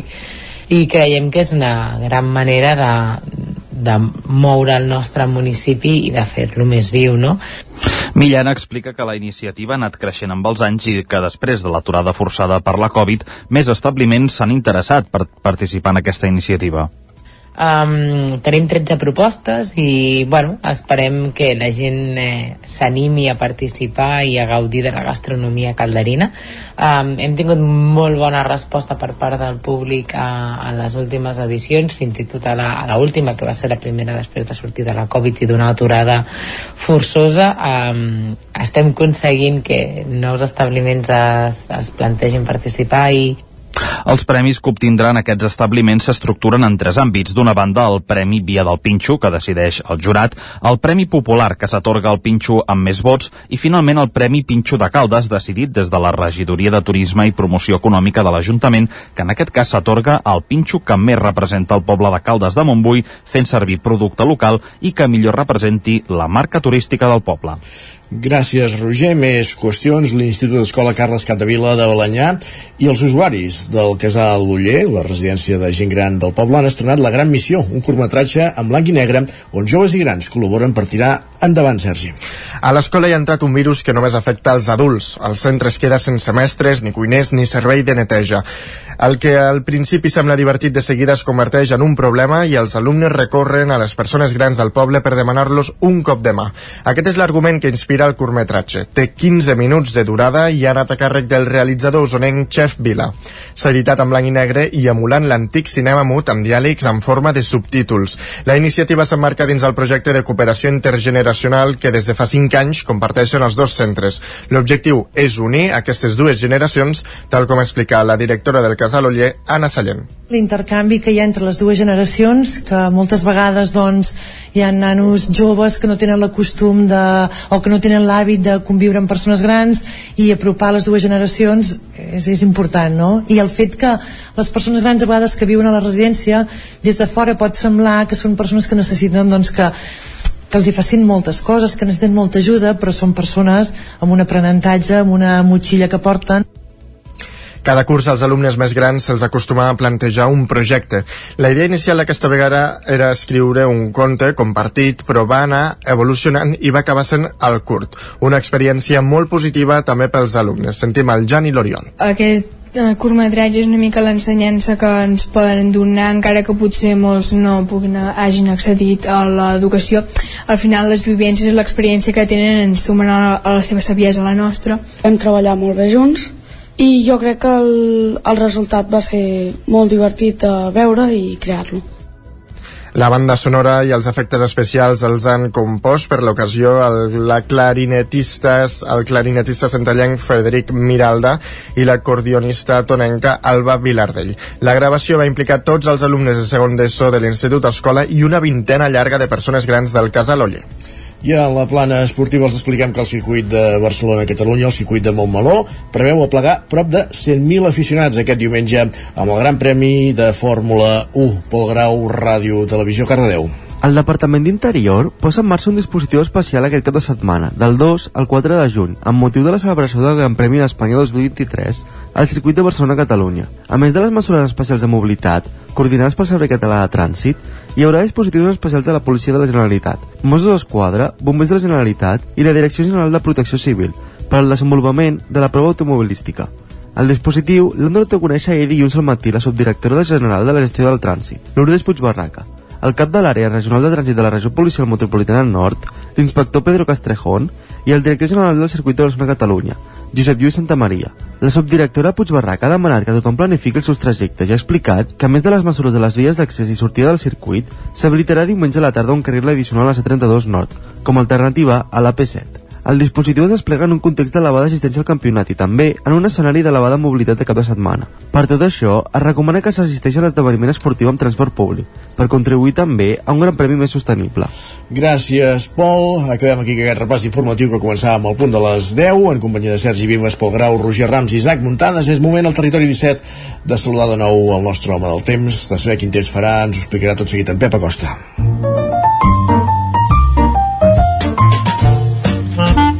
Casa Terradellos us ofereix el temps. Doncs va, Pep, benvingut de nou. Tornem a una codinenca. Quin temps farà avui? Avui, avui al matí les temperatures són eh, fresques a les zones de muntanya, eh, molt suaus com el peritoral, eh, un matí típic de, de, de finals de, de maig, amb força sol, però ja hi ha algun núvol, eh? ja, es, ja es veuen alguns núvols, i és que avui la situació és més insegura. Avui hi haurà més tempestes, afectaran a més municipis, a més comarques, i també la intensitat serà més important.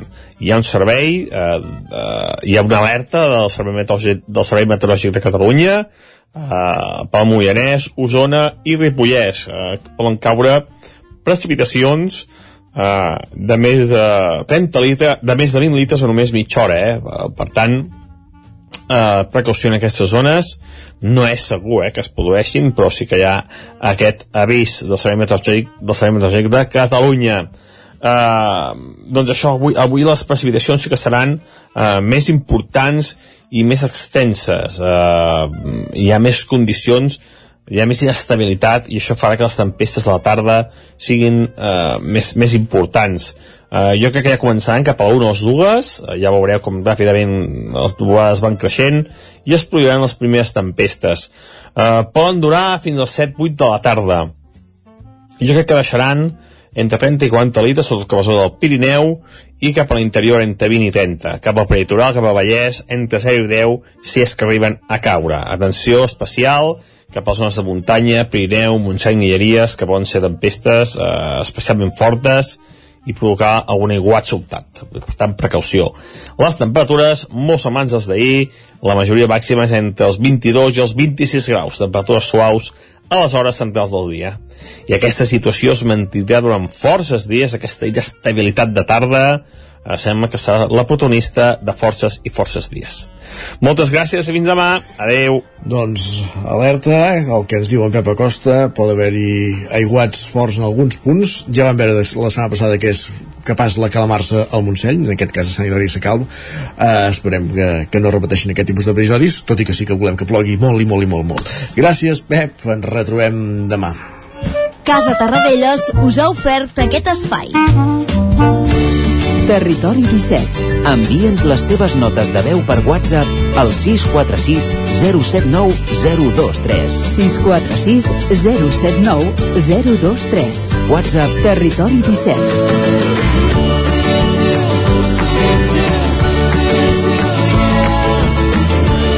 Territori 17. Som a Facebook, Twitter i Instagram amb l'usuari Territori 17.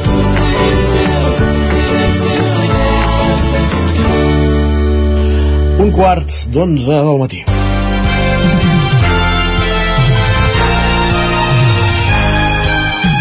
I és moment al territori 17, com fem cada setmana aquest dia, dimarts i aquesta hora, de parlar amb en Joan Carles Arredondo, el cap d'Economia del 9-9 del Vallès Oriental, amb qui avui parlem de competitivitat. Joan Carles, benvingut, bon dia.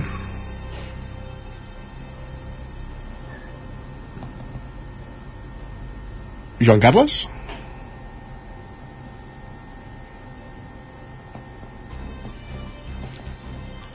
Nosaltres el sentim ell nosaltres, no? Joan Carles, ets aquí?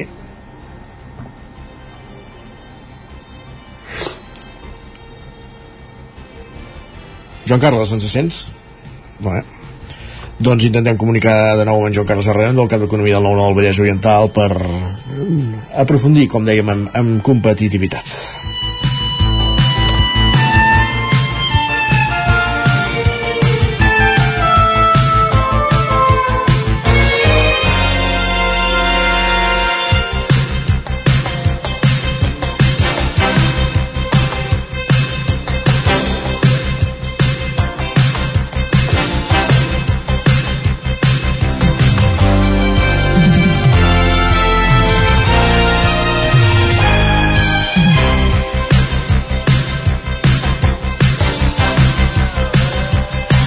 Ara sí, ja tenim en Joan Carles a Redondo en línia per parlar, com dèiem, de competitivitat. Bon dia, Joan Carles. Bon dia.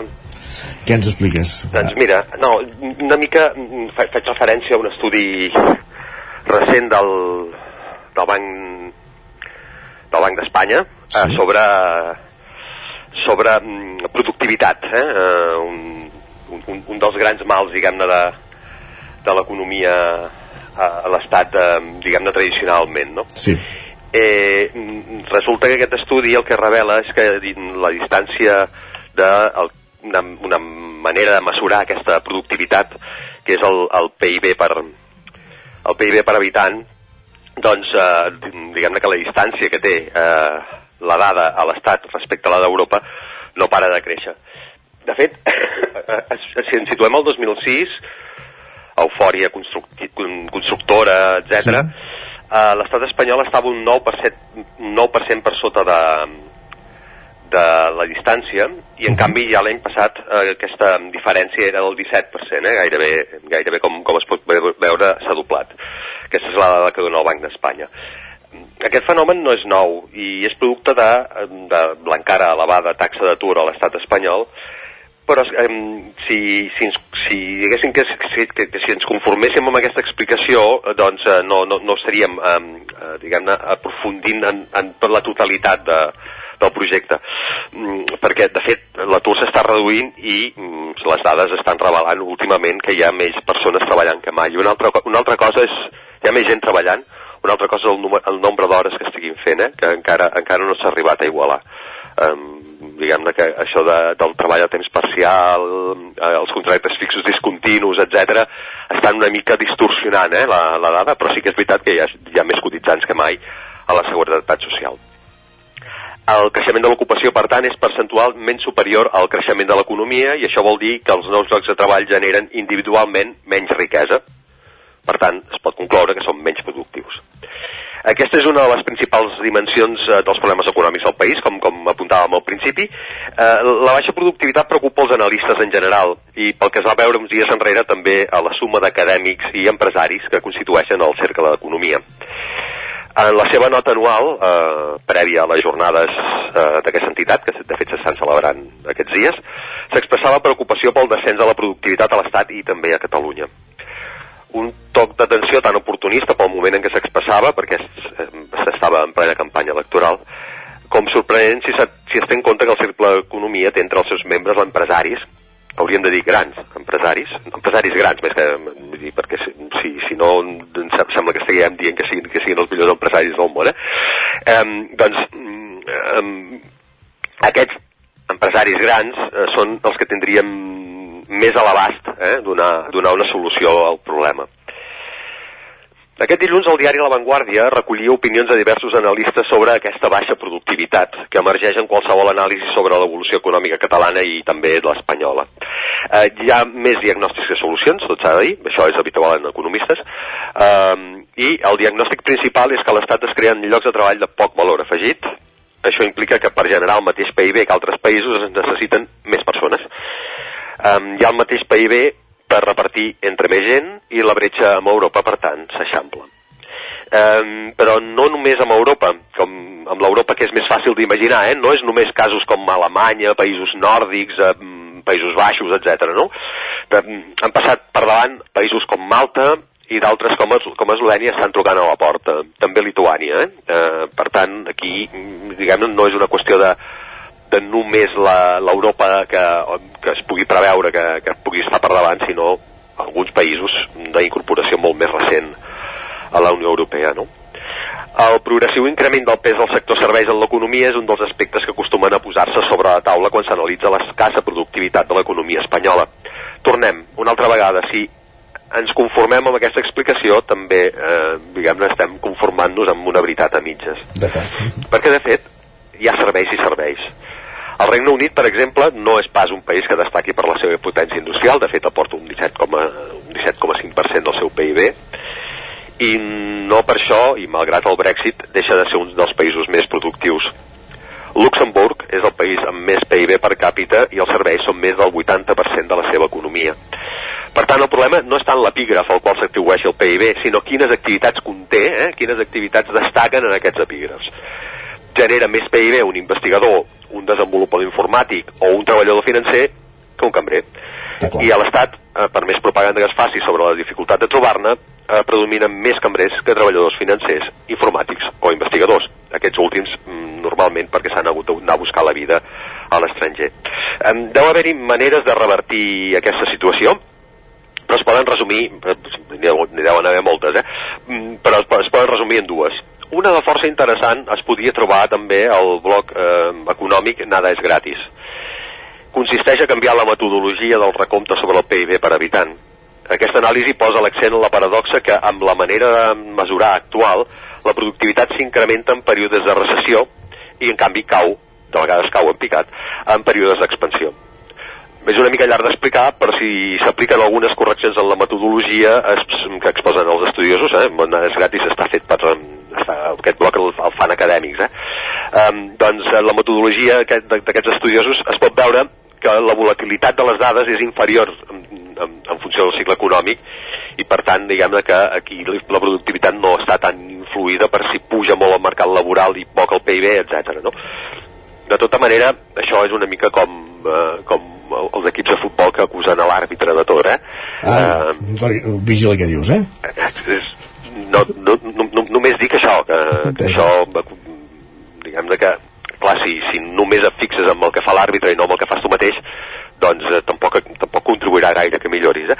Eh, la simple modificació dels càlculs tampoc eh, portaria alguna millora en les dades, però no en la qualitat de vida, i també és interessant fixar-se en algunes de les poques solucions que aporten els economistes en l'article que comentàvem de La Vanguardia. Uh -huh parlen de reformes estructurals, que això és molt genèric.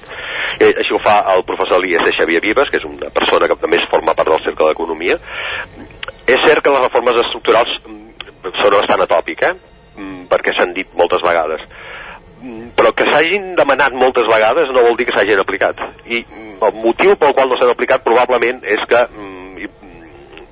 prendre aquestes mesures pot ser impopular i aquí tenim, cicle, tenim cicles electorals permanents eh? i mai millor dit en, en aquesta etapa no? De fet, el també professor, en aquest cas és de la Universitat Pompeu Fabra, Guillem López Casasnoves, apunta que el camí de sortida no deixa de ser un dilema o se segueix el camí de crear d'anar creant ocupació, tot i que aquesta sigui de baixa qualitat, o es canvia el model productiu, a costa que l'atur s'incrementi. Eh, I aquí, diguem-ne que pot haver-hi una mica el problema pel qual no s'afronten algunes d'aquestes reformes estructurals que es considera que serien necessàries.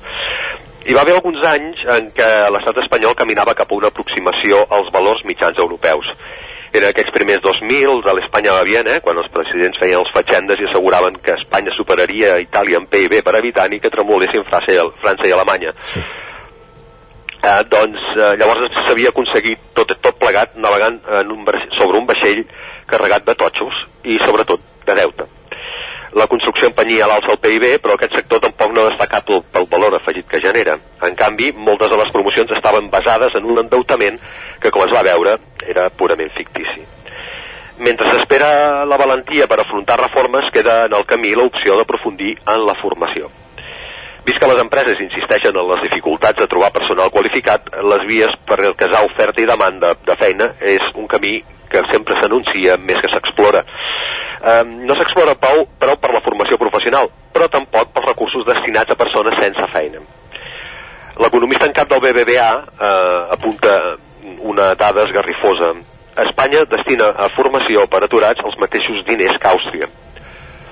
Seria una bona dada si no fos que Espanya té el triple d'aturats que Àustria. Sense formació i cal afegir, sense formació adequada, el PIB per habitant continuarà caminant, eh, diguem-ne, cap a aquest cap a aquesta llunyania de la mitjana europea. I aquesta és, diguem-ne, la principal conclusió que es pot apuntar ara mateix, perquè si no hi ha reformes estructurals, com a mínim s'hauria de reformar el sistema formatiu. Per ser més productius. Uh, Joan Carles, gràcies una setmana més per acompanyar-nos. Gràcies a vosaltres, bon, bon dia. dia. Nosaltres arribem a la pausa, tot seguit fem una petita pausa, com dèiem, com cada matí a aquesta hora, i recte final del programa amb les piolades, amb el més destacat que hem trobat a Twitter, i amb el racó de pensar. Avui eines sistèmiques amb la Maria López. Fins ara mateix. El nou FM, la ràdio de casa, al 92.8. El 3 de juny vine a Sant Julià de Vilatorta perquè arriba Keràmic, la festa d'experiències en fang des de les 10 del matí fins a les 9 de la nit al Parc de les Set Fonts experimenta amb tallers, torneja en una masterclass o simplement contempla tot el que es pot fer amb el fang al mercat o a les exposicions, entre d'altres. Consulta més informació i el programa d'actes complet a keramic.cat. T'esperem. A Boi Galtés trobaràs tot el que necessites relacionat amb l'equitació, t'assessorem i t'equipem amb tot el que et faci falta. Som especialistes. No ho dubtis i vine a Boi Galtés. Ens trobaràs al carrer Jaume I de Vic, número 5, al 93 886 1420. A la nostra web www.boigaltés.es i també som a Instagram boigaltés.equitació.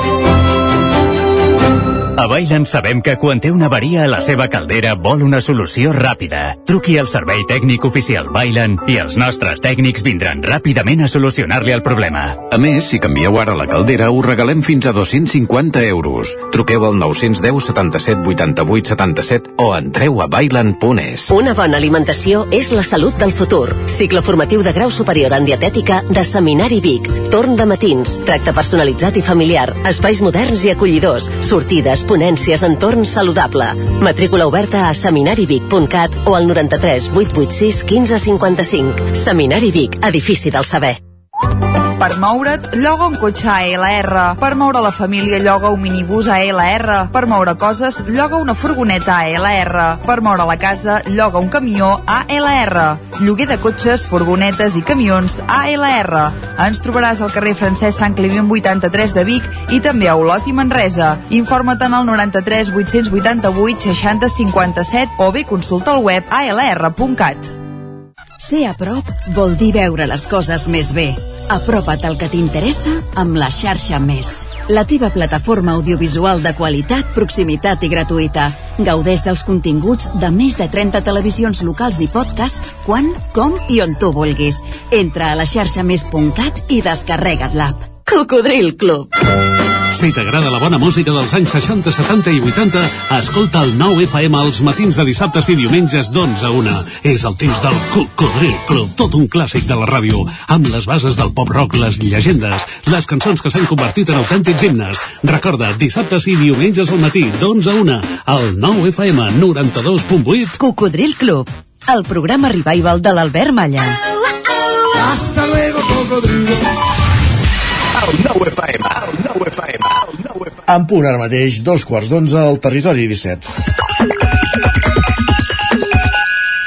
Carai, hem començat i acabat molt ràpid aquesta secció de piolades en cada dia amb en Guillem Sánchez. Guillem, benvingut, bon dia. Bé, i tu? Doncs mira, uh, adaptant-nos encara a la rutina habitual de, després d'unes eleccions, perquè em sembla que tots encara portem una miqueta de ressaca, però, però bé. Ah, hi ha hagut eleccions. Ho tirem endavant, ho tirem endavant. Doncs mira que en ve nosaltres, eh? El 23 de juliol. Sí, de fet, no ara- per aquí, les piolades del dia. Sí, fent una mica d'anàlisi del que teníem de diumenge i del que ens ve per endavant aquest 23 de juliol. Per exemple, la Maria, que ens escriu ara que ja, ja ha passat la campanya electoral i les eleccions, només faré una reflexió. Diu que en un poble hi hagi més d'una llista és molt bo i molt sa. Qui ho veu i s'ho agafa com una divisió o un atac va una mica equivocat. Home, com més Doncs opcions polítiques hi hagi millor, no? I com més representació també. Però llavors també et pot passar com aquests, aquests pobles on n'hi ha sis i llavors el resultat és un aigua barreig i qui ha de governar aquí? Una cosa tan empatada. Però bé, que parlin, que parlin, amb el maco que és, que és, que és parlar. Va, en Jordi també ens vol comentar el següent. Ens diu, la futura alcaldessa de Sant Julià de Vilatorta, el primer que ha de fer és trucar en Sánchez i dir-li que no pot posar unes eleccions generals el diumenge de la festa major. Segurament ho farà. Segurament ho farà. L'altra cosa és que li facin cas. La, qui diu l'alcaldessa de Sant Julià de Vilatorta diu l'alcalde de, de Torelló. Per exemple, per exemple també. Va, és que altres usuaris també ens ho recorden per Twitter i ens diuen unes eleccions espanyoles el 23 de juliol amb la sentència sobre la immunitat de Carles Puigdemont que s'haurà fet pública el dia 5 de juliol. Ai, senyor. Ai, senyor, dates que coincideixen.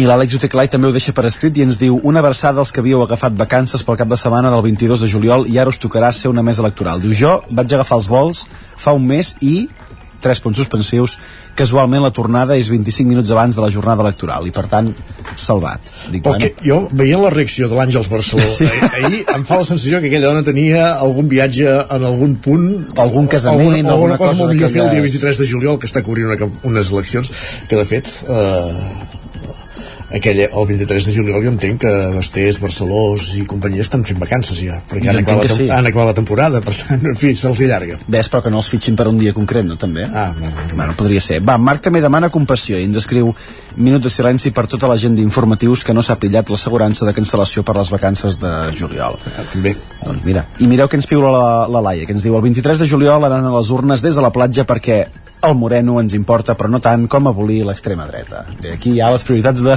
de cadascú que, que se les posi per endavant que se les, que se les plantegi.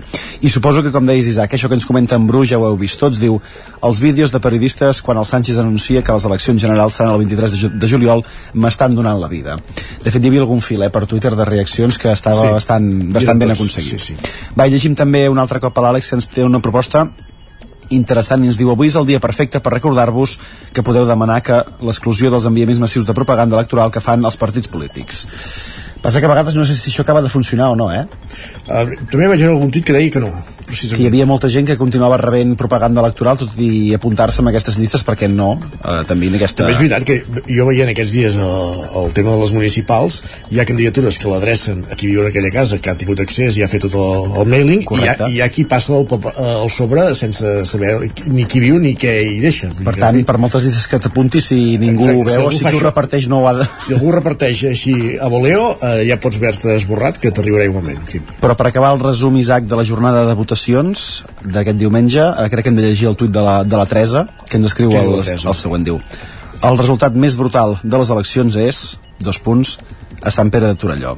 67% de participació. Llista única, bon dia Sí, sí, sens dubte. celebrem, celebrem Sant Pere de Torelló. Va, sense comentaris, vinga, que gairebé entrem ja al mes de juny. Atenció que l'Eli ens recorda el que moltes i moltes persones ja pensem una miqueta des de fa temps. Ens diu, fa com molts dies, no?, que el mes està a punt d'acabar però no s'acaba. Home, demà, demà segur que s'acaba, no patiu. I hi ha molta gent, em sembla, que ja té ganes d'això, de pensar-se... mes de juny. Sí, de posar-se a pensar Patum, en Sant Sant Joan, Joan, en, en, en vacances, en no sé, Patum. rebelles... En... Ostres, és veritat. Patum quan cau? Uh, aviat. Per Corpus, que no saps quan és Corpus, tu, Sánchez? Uh, 7, 7 de juny o estic tirant un triple? No, sembla que cada, depèn del calendari religiós, no és, No ho direm. No és, no és ciència exacta. No he dit res. Va, i acabarem amb un comentari només per qui no ho hagi vist també, que busqui a Twitter el tall d'ahir del mes 324. 11 de juny, nano, Corpus aquest any. Doncs mira, que busqui el tall del mes 324 d'ahir, de, de l'entrevista d'en Xavier Grasset, que em sembla que va donar una mica... Oh, oh, oh, Juana Dolores. Per parlar-ne, només deixarem anar un comentari aquí, el de la Marta, que ens diu, de paraules d'en Xavier, jo porto corbata perquè estic gras, així no se'm veu la panxa. Soldats de Xavier Grasset fins al final i fins a la mort. Doncs queda dit. Gràcies, Guillem. Va, que vagi molt bé. Adéu. I al territori 17, després de les piolades, el que arriba és el racó de pensar, que cada setmana ens acosta des de Ràdio Televisió Cardedeu la Maria López, avui parlant d'eines sistèmiques per les famílies. Maria, una setmana més, benvinguda, bon dia. Bon dia, Isaac, i benvingudes una setmana més al racó de pensar, el nostre espai de debat social setmanal a Territori 17, que ens permet analitzar i posar sobre la taula tot allò que ens remou i que té a veure amb la salut, l'educació i el feminisme. Aquest mes de maig, fa tot just una setmaneta, se celebrava el Dia Internacional de les Famílies. Estarem d'acord que famílies n'hi ha de molts tipus. Ja ha quedat molt lluny aquella construcció única de pare, mare i fills. Ara, les combinacions són infinites.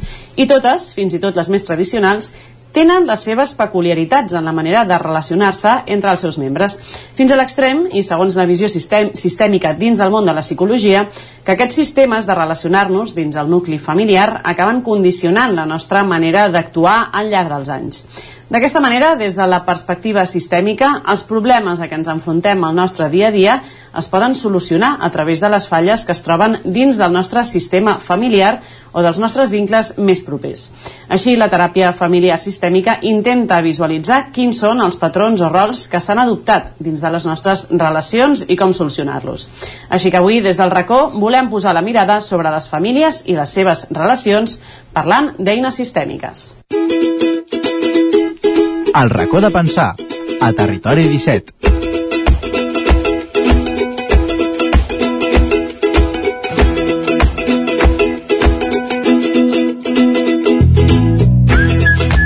Per parlar d'eines sistèmiques, avui ens acompanya la Sílvia Palou. Ella és psicopedagoga, terapeuta i especialista en teràpies sistèmiques, directora també del Centre de Psicopedagogia Tres Sentits. Molt bon dia, Sílvia. Hola, molt bon dia. Ja ens has visitat a una mà del racó de pensar. Sí. També ara feia un parell d'anyets, eh? per això que no, que no ens Exacte. trobàvem, però sí. Uh, jo he intentat explicar una miqueta de què va lo de la visió sistèmica. No sé si me n'he sortit, perquè al final jo he tirat de- d'informació que he pogut trobar per internet, però segur que tu ens, ho pot, ens ho pots explicar una miqueta millor. En què Sí. consisteix exactament Sí, ho aquesta has visió? explicat molt bé, Maria. Ai, Realment gràcies. hi ha molta complexitat avui en dia la manera de fer família, no? i totes són vàlides, perquè absolutament doncs, el que es tracta és de poder fer pinya, fer, fer tribu, no? Eh, el que passa que es va fent més complexa, més complexa perquè els eh, moviments que es donen a dintre dels sistemes familiars eh, fa que ens dongui la sensació real, emocional, de perdre el control, de no saber quin és el nostre lloc, de perdre de vegades els referents i tots aquests moviments que es donen, ja sigui perquè marxen membres de la família o perquè se n'incorporen de nous, eh, provoca una sensació de- d'inseguretat i la inseguretat deriva en por, sí? i la por moltes vegades ens provoca comportaments que cada persona els mostra de manera diferent pot ser hi ha persones que infants o adolescents que el que fan és tancar-se ni altres mm, el que passa és que ataquen d'altres el que passa és que eviten no? o fugen en el sentit de que es desconnecten una miqueta de la realitat i tots aquests comportaments que veiem en els infants, els adolescents i en els adults perquè això no, no passa només de petits eh, eh, fa que veiem eh, aquestes dificultats que es donen en el dia a dia i que d'alguna manera a través d'aquestes eines sistèmiques hem trobat eh, formes de poder entendre què hi ha a sota és a dir, no només quin és el símptoma o el comportament que, o la dificultat que ens mostren els infants o les persones en general, sinó poder veure què és el que fa preval, prevaldre, és a dir, què és el que fa repetir i continuar amb rols i comportaments que ens fan mal i que ningú voldria fer-los no? aleshores aquestes estructures tenim eh, maneres més simbòliques més inconscients de poder analitzar-los de poder-los mirar per poder veure què hi ha en el fons i per tant poder-ho moure, poder-ho modificar podríem dir que és un, un, un punt de partida, no? Vull dir, entenc que la gent ve en el vostre centre quan ja, ja existeix un problema Exacte. i d'alguna manera analitzar o posar aquesta mirada és anar a buscar l'arrel d'aquestes relacions per intentar entendre Exacte. el problema, no? Sempre intentant veure, perquè és així, que no hi ha culpes, que no hi ha judici, no? La manera d'acompanyar-ho sempre és veure que eh, tots els pares i mares i persones fem el més bé que sabem, la més bona intenció sempre hi és posada, però de vegades el fet de poder demanar als infants, per exemple, exemple, si es tracta d'un tema de fills, eh, que, que no facin aquest comportament que contínuament i repetidament fan, eh, no els ajuda, perquè d'alguna manera ells ja no voldrien fer-lo, però no tenen les eines per poder-ne sortir. Aleshores, veure què és el que està mostrant aquesta, aquest comportament és el que ens ajuda a poder-ho a poder-los ajudar eh, amb ells o bé nosaltres, perquè el que veiem també a nivell sistèmic és que de fet eh, hi han fets que són emocionalment potents a dintre de la pròpia vivència biogràfica, però n'hi han d'altres que ens venen heredats. Eh? Nosaltres diguem emocions eh, sistèmiques heredades perquè d'alguna manera el que hem pogut comprovar a través d'aquestes eh, bueno, eines i d'aquest paradigma és que hi han eh, ressons emocionals que quan han estat forts en generacions anteriors eh, encara prevaleixen en les generacions posteriors. Tot i no haver-ho viscut de manera directa. Tot i no haver-ho viscut de manera directa. Jo sempre poso un exemple perquè és molt corrent no? que, per exemple, hi ha famílies, i bueno, casa passa, que no podem deixar res al plat, no?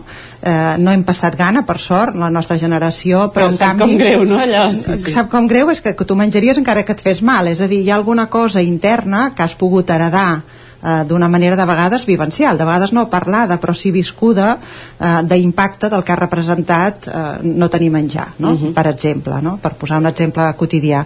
Però això passa des de molts punts de vista, en situacions absolutament diverses. No? El que veiem és que tendim, com a animals que som, no? perquè hi ha una base biològica molt forta, eh, a repetir les coses que han sigut, eh, que han estat, que han provocat aquest impacte emocional, eh, perquè és el que toca per, super, per sobreviure. Sí? I aleshores, de vegades, aquests comportaments continuen repetint-se quan encara ja ara no tenen cap mena d'utilitat ni de sentit. Uh -huh. Jo a la introducció feia una mica també aquesta reflexió de que famílies ara doncs ja la, la, les tradicions han canviat molt, famílies hi han de tot tipus, però jo entenc que d'alguna manera aquest anàlisi que feu vosaltres, aquesta mirada, va molt més enllà de que una família pugui viure o sigui d'una manera o sigui d'una altra. Entenc no, que al final una encaixa dintre del puzzle que li toca, que li toca viure, no? Sí, clar, el que veiem i són de les preguntes que solem fer i que mirem a través de la imatge que generem amb els ninos, per exemple, no? Que, que ara mirarem els ninos, mirarem. que em fa un delit que hagis portat, eh? Sí, eh, és poder veure també que el que és important és que tothom que forma part del sistema tingui un lloc i sigui mirat i sigui inclòs com una persona digna dintre, digna vull dir que té un lloc eh, que, que ha estat necessari. Tots mhm. els, totes les persones que formen part d'un sistema eh, tenen el seu rol i són necessaris i tots són igualment importants. Sí? Eh, aquí diu doncs, una persona que, jo què sé, doncs, un pare que ha estat molt poc present o que fins i tot no es coneix la seva, la seva identitat però ha generat la possibilitat de tenir aquesta vida eh, té el seu lloc a dintre del sistema i necessita ser reconegut com a tal sí? Uh mhm. -huh. sense judici, com ha estat com el mal que això ha provocat eh, clar, tot això ens fa d'alguna manera doncs, excloure, no? excloure aquesta persona o no mirar-la d'una manera respectuosa i tot això porta un impacte diguéssim en les generacions següents és a dir, que el que veiem que és molt important és com que puguem donar un lloc a cada persona que forma part d'un sistema hagi estat com hagi estat el seu inici, el seu comportament i la seva realitat, perquè això és el que tranquil·litza, per dir-ho així, eh, al fons del, dels vincles entre les persones. Uh -huh. uh, anem a veure els ninos que, Va, que ens escoltat som-hi. avui, em fa molta, molta il·lusió. Entenc que també són una, una eina, mm, parlant Sí, d'eines, que us deuen ser segurament molt útils quan toca parlar més amb infants que potser els hi costi una mica més verbalitzar aquestes absències, no? Sí, però també amb adults, eh? Uh -huh. És a dir, eh, es fa servir sempre eh, que, que vols mirar com està l'estructura, no? com s'ha organitzat l'estructura d'un sistema, perquè d'alguna forma, eh, o sigui, la de les avantatges que, que, que té aquesta eina és que pots visualitzar-te tu també fora i, i mirant tota l'estructura perquè una de les coses que veiem que és essencial i que és el que mirem eh, des d'aquesta mirada sistèmica són les connexions que hi ha entre les persones uh -huh. no Mhm. tant només la persona en si sí? una persona en si mostra un comportament per exemple he portat aquest nino que el- hi ha moltes vegades nens o, no? o nenes que venen i que, és un, que l'escullen moltes vegades Un perquè mini potser superheroi, no?, una mica. Sí, però se senten potser així com també com d'en- d'enfado, d'estrany, de diferent, no? Mhm. com d'una identitat que no és la d'una criatura, no? I aleshores és com que veiem que de vegades ens, ens, ens fixem, no? I aquest és el motiu que potser arriba aquesta demanda, però que no és el tema, sí? És a dir, mirem doncs cap a on està mirant aquesta criatura, potser doncs veiem com que hi han dos nuclis, però en canvi ell està sol amb el gosset, eh, mirem cap a on està mirant, sí? és a dir, quines són les, cap a on te va l'atenció, el foco, no? on hi ha la intensitat de la família, no? aquí veiem, no sé, doncs com tota aquesta part de la família mira cap aquí, però en canvi ell mira cap aquí, no? Mhm. i aquí veiem que realment hi ha, hi ha, hi ha una separació, no? aleshores tota aquesta informació, clar, només visualment et dona com molta eh, percepció del que, uau, no? ostres, eh, que està aquesta criatura aquí sola, no? I dir, bueno, no, la mare pot dir, no, no està sola, si és que tot el dia estem pendents d'ell, ja, però potser ell se sent així. és com se sent, no? Llavors, d'alguna manera, el, el, quan comença una teràpia o una de les primeres que, fe, que feu, entenc, és posar aquests ninos a disposició de, de la persona que vingui i que col·loqui la seva, sí, la no seva seria, estructura, no? no seria el primer, val? Mhm. perquè sí que per Donem exemple, marge. sí, perquè el que primer és important és primer escoltar la persona veure quina és la realitat que estan vivint entendre la història, si parlem d'infants o d'adolescents, quina ha estat la seva història per poder veure quines són també les eines eh, de caràcter, de manera de fer que ha anat desenvolupant al llarg de la seva història. I per tant recollim primer que és una altra eina, que és el genograma, que és veure de tres generacions, perquè mirem tres generacions. Tres generacions, sí, eh? diguem amb això que moltes vegades la informació per entendre'ns eh, prové més dels avis i les àvies que no tant dels pares perquè Tot i que no hagin, o sigui, o sigui, hi ha hagut molta convivència, no té per què. no té per què, perquè no mirem tant la relació, sinó el vincle que s'ha generat. És a dir, Mhm. no tant la quotidianitat, sinó quines són parlem de fidelitats, i són paraules molt, potser dintre d'aquest argot, però quina és la, la part que mi m'ha quedat com de fidelitat amb aquesta, amb aquest avi o amb aquest avi, sí? Mhm. I per tant recollim primer tota aquesta informació perquè quan es dongui aquesta imatge eh, podem tenir també elements d'interpretació, de poder entendre millor per ajudar, sobretot per ajudar a acompanyar la persona a veure's i entendre's el per què està en aquest lloc, què és locomotiva i quin és el moviment, que aquí està una miqueta l'important, sí? perquè hi ha una primera capa que és mirar-ho, eh, poder reflexionar, poder percebre i poder sentir, eh? no només mirar, sinó també què, quin és l'impacte emocional que em dona veure aquesta imatge, no? Eh, per després poder moure, sí? Per Mhm. poder moure, que clar, es mouen aquí. Eh, això diries, bueno, això, clar, és, és Sí, una no- no imatge. el- sem- sembla, sí, clar, si això fos com el, el, les pel·lícules aquestes de déus, no? Que Exacte, mouen els encara, exacte, però no, clar, no, així. però per exemple el que és que sempre diguem, perquè tenim tendència a dir bueno, doncs que aquest que s'acosti, aquest que s'allunyi no? llavors, no, no, clar, en la realitat només et pots moure tu i per Clar. tant una cosa important és de dir, bueno, què puc fer jo, quin moviment de vegades molt petit, perquè en sistèmica és una cosa molt bonica, que com que un sistema és un engranatge, de vegades un petit moviment, una petita mirada, una petita actitud diferent cap a una persona mou un món, sí? Mhm. fa que l'altre se sent diferent, se sent reconegut o se sent entès i ja canvia també eh? per tant, quin és el moviment que puc fer jo en aquí per poder millorar tot el sistema vale? i això de vegades sembla una mica màgic perquè això me'n recordo sempre un nen que havia vingut que deia m'has d'explicar què ha passat perquè el meu germà no ha vingut i abans no em deixava entrar a la seva habitació i ara em deixa no? és a dir, hi ha moviments que si jo canvio la mirada cap a tu la teva resposta, encara que tu no hagis estat intervenint en tot aquest moviment, doncs també fa que canvi. Uh -huh. vale? És un engranatge. Però al final tot a partir de la mateixa persona que és el centre, diguéssim, no? És a partir de les meves accions puc generar que, Exacte. que la resta de, de coses i d'engranatge acabi Exacte, canviant, no? Exacte, i això, clar, ho mirem a la família, però de fet el que veiem que la família és el centre més important a nivell emocional de creixement com a persona, però clar, nosaltres aprenem aquestes eines de quin és el meu rol a dintre de la família, però després me'n vaig al món, me'n vaig a l'escola, me'n vaig a l'institut, me'n vaig a la feina, i aquest rol és el que de vegades jo porto, sí? perquè tendim o a repetir o a compensar. És a dir, de vegades, per exemple, veiem infants que a casa són els que reben, per dir-ho així, del germà gran, i en canvi quan van a l'escola doncs eh, volen fer que són els que dominen uh -huh. eh, no? perquè en allà se senten com més capaços o bé fan el mateix rol no? per exemple, per tant de vegades per entendre comportaments o dificultats que es donen en altres sistemes, en altres contextes de relació eh, ens remetem també a la família perquè és allà on realment originalment aprenem no? Aquests, aquestes eh, eines de, de comportament o de, o de caràcter Què passa llavors quan surts? Perquè d'alguna manera és com que nosaltres estan a casa, a la família, som una peça del puzzle familiar, no? I ens Mhm. acabem adaptant una mica al que et trobes, no? Sí. Què passa? Clar, en el moment en què qualsevol d'aquestes peces de la família canvia, doncs, va, no? una separació, un, arriba una nova Dol, parella... sí. A- a- a- Això es mou tot. Es mou tot. Es mou tot. Clar. Com, com, és aquí on entenc que Sí. arriba la dificultat per readaptar-se, no? Sí. I què passa més enllà d'això? Quan marxes de casa i fas la teva pròpia. Clar, sí, sí. Clar, un sistema familiar o un sistema de, de qualsevol sistema és un ésser viu, sí? Mhm. És a dir, es modifica constantment i, bueno, això diguem també, no?, la termodinàmica, tot tendeix al caos, o sigui, realment els sistemes, i això és l'ecologia també, no? En, en, si mirem des d'un punt de vista més ampli, és a dir, tot necessita un equilibri que sigui prou sostenible com per poder-se aguantar, de vegades s'aguanta d'una manera molt poc estable, però a la que es modifica algun element, és el que dius tu, no? fa que es modifiqui tot, i per tant clar, en, en èpoques doncs, més fràgils, pot ser l'adolescència, pot ser moments de canvi de família, de, de feina, de, no? de separacions, de dols, és a dir, qualsevol impacte que té el sistema, totes les peces s'han de tornar a reorganitzar, i és allà on de vegades aquestes fragilitats, si un no té una base molt segura, torna a trontollar tot i has de tornar a trobar el teu lloc Mhm. val? i per tant són moments més de crisis per dir-ho així eh, que el que ajuda molt és poder sentir que tens aquesta seguretat amb tu mateix o amb els teus referents no? però de vegades aquests referents també es mouen no? és això, doncs entra una altra parella o, no?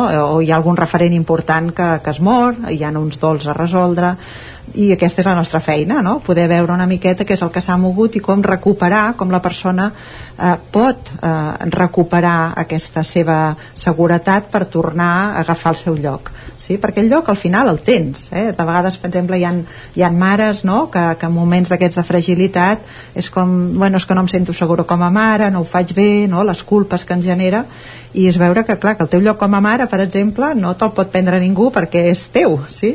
tot i que intervengui una altra persona que entri algú més en el sistema per tant és com tornar a reafirmar que eh, aquí hi ha una base biològica molt important també, no? Que, que bueno, doncs tu ets la mare i ets la mare, encara que ara doncs, hagin passat tantes coses a la vida que et faci dubtar d'aquest rol, no? Mhm. O sigui, tornar a agafar l'essència i en, aquests, en aquestes representacions ajuda molt a veure-ho, perquè és com que, esclar, si tot de cop tu, en comptes de sentir-te'n aquí, doncs et poses en aquí com a mare, sí? dius, ostres, doncs sí que te sents lluny dels teus fills, què ha Clar. passat, no?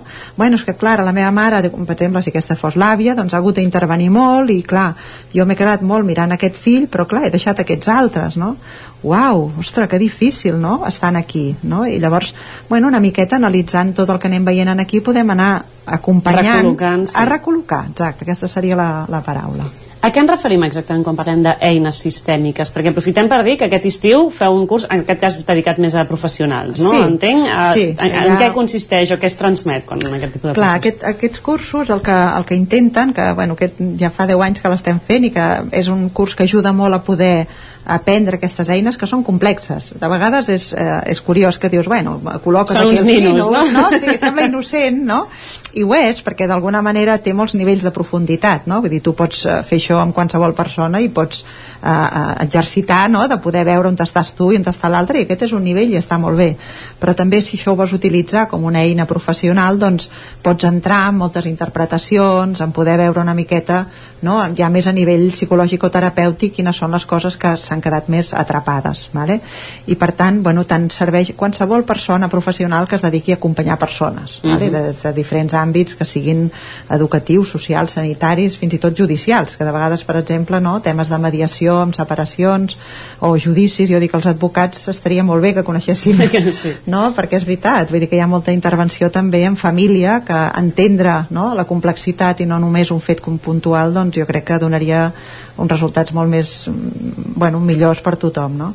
aleshores eh, bueno, en, què, en què consisteixen aquestes eines hi hauria per exemple tot el treball de genograma que és el que dèiem, no? poder eh, entendre quina és l'estructura no? quina és la geometria que genera en una família per poder veure quines són aquestes repeticions o compensacions no? el uh -huh. genograma per exemple és una eina sistèmica que, que utilitzem molt o bé els moviments sistèmics que es poden fer doncs, a través de, de qualsevol material ara hem portat els ninos però de vegades per exemple a mi m'agrada molt treballar també amb els animals no? si per exemple amb un infant eh, que està molt enfadat no? tu li dius doncs no sé quin seria l'animal que, que t'ajudaria a explicar-me com és aquest teu enfado no? i et posa doncs, un, un, un personatge com aquest clar, o sigui, tu veus aquesta imatge i dius, mare meva, o sigui, està molt, molt enfadat està molt enfadat i és molt més gran que tu és a dir, mm. com ho fas per controlar això no?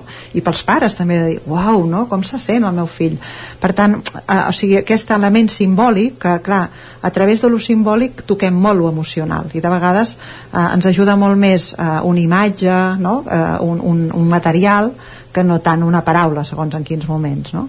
Aquesta seria una altra eina important que ja dic que es pot, hi ha molts tipus d'acompanyament amb els moviments sistèmics hi ha el fotograma que també és molt bonic a través de les fotografies podem veure l'estructura de la família no? Uh -huh. quins llocs queden buits, qui els ocupa qui està més endavant, qui té el foco de la família eh, bueno, hi ha els anclatges, hi ha molts tipus d'eines que d'alguna manera sota el mateix paraigua, eh, sota el mateix paradigma, diguéssim, interpretatiu, ens pot ajudar eh, primer a comprendre eh, per després eh, moure per poder facilitar doncs, eh, el benestar, perquè al final l'objectiu de totes aquestes eines és poder acompanyar les persones a trobar més eh, la seva pròpia seguretat i poder estar millor, ja sigui a la família o a la feina o a l'escola. Mm -hmm. Estava pensant ara el, quan una potser una mare o un pare acompanyen al vostre centre algun mm. infant que veuen que es passa, suposo que aquí es mouen coses i en alguns aspectes segurament dintre d'aquests ajustaments que han de fer mm -hmm deuen rebre també coses que, o sigui, també han d'acabar ajustant coses les persones no centrals d'alguna manera, sobretot els adults sí. com, com es rep aquesta perquè no ha de ser fàcil, no? Sí. admetre o entendre que potser hi ha coses que no sí. que hauríem de canviar Sí, això és molt important, Maria, perquè de fet o sigui, jo dic de vegades que són els infants que ens porten els adults a la consulta, no? Perquè, bueno, hi ha coses que potser els adults per nosaltres mateixos ja no canviaríem o no ens posaríem a, no? a, a poder millorar, en canvi pels fills fem, fem el que sigui, uh -huh. no? I moltes vegades el que veiem és que és una repetició. Donar-se compte d'això, bueno, l'art també d'acompanyar-ho sense judici, com deia abans, sense generar culpes, perquè al final sempre hi ha una bona intenció dels pares cap als fills o de les mares, però sí que és veritat que poder reconèixer no? quin ha estat el meu, el meu rol com a, com a filla, per exemple, o com a, eh, o com a fill amb els meus pares, em dona també una visió de poder entendre què estic fent jo ara com a mare o com a pare. Perquè d'alguna manera, com deia abans, com que intentem o repetir o compensar, des del cap, no? això ens passa molt avui en dia, és a dir, hem llegit molts llibres, tenim molta formació de com volem ser com a mares o com a pares, però després la realitat no és tan fàcil, perquè la vivència té molta més importància dintre del nostre desenvolupament que no tant el que pensem, uh Mhm. -huh. sí? Perquè la vivència que jo he tingut com a filla doncs, em porta un impacte que quan la meva filla m'està provocant doncs em salta la xispa que jo vaig tenir, no tant la que jo volia fer sí? Uh -huh. i per tant poder-se donar compte d'això sense posar-hi un judici permet poder-ho modificar i poder-ho fer diferent sí? perquè si només és des del voler eh, mental o, o, o, o de cap eh, costa molt de poder arribar. Aleshores hi ha d'haver com un reconeixement, com una acceptació, com una reconciliació amb els nostres pares i mares, no? perquè de vegades han quedat temes que han estat molt dolorosos.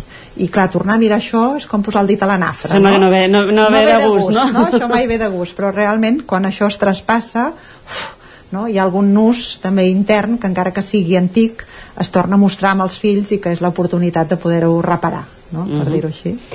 Sílvia Palau, moltíssimes gràcies per haver-nos acompanyat avui al Doncs, racó de pensar. Ens a aquesta vosaltres música final. i ja sabeu que bueno, això, el mes de juliol estarem, bueno, sempre estem disponibles però aquí estarem, moltes gràcies En aquest cas, aprofito per aclarir, és, és una formacions en aquest per a professionals, no? Estan... professional sí que és veritat que això passa moltíssim que un ve com a professional però que si ets mare o pare no? t'acaba tocant segur, no? I tens la teva pròpia família, que això la tenim tots encara que no tinguis fills, no? també és un aprenentatge personal que també sempre és benvingut Doncs ja sabeu, altres sentits, aquestes formacions cara al mes de juliol, ho dic bé? Molt bé, doncs moltíssimes gràcies, Sílvia, per acompanyar-nos un cop més al racó de gràcies a pensar. vosaltres Gràcies a tu també, Maria. Una setmana més pel racó de pensar amb ell i amb el racó de pensar amb vosaltres arribem fins al final del programa d'avui, dimarts 30 de maig de 2023. Us hem acompanyat des de les 9 del matí Roger Rams, Isaac Montades, Pol Grau, Pep Acosta, Joan Carles Arredondo, Guillem Sánchez, Maria López, Sergi Vives Isaac Moreno. I tornarem demà a partir de les 9 del matí fins a les hores. Molt bon dimarts i gràcies per ser-hi. Adéu-siau. Territori 17, un magazín del nou FM. La veu de Sant Joan, Ona Codinenca i Ràdio Cardedeu amb el suport de la xarxa.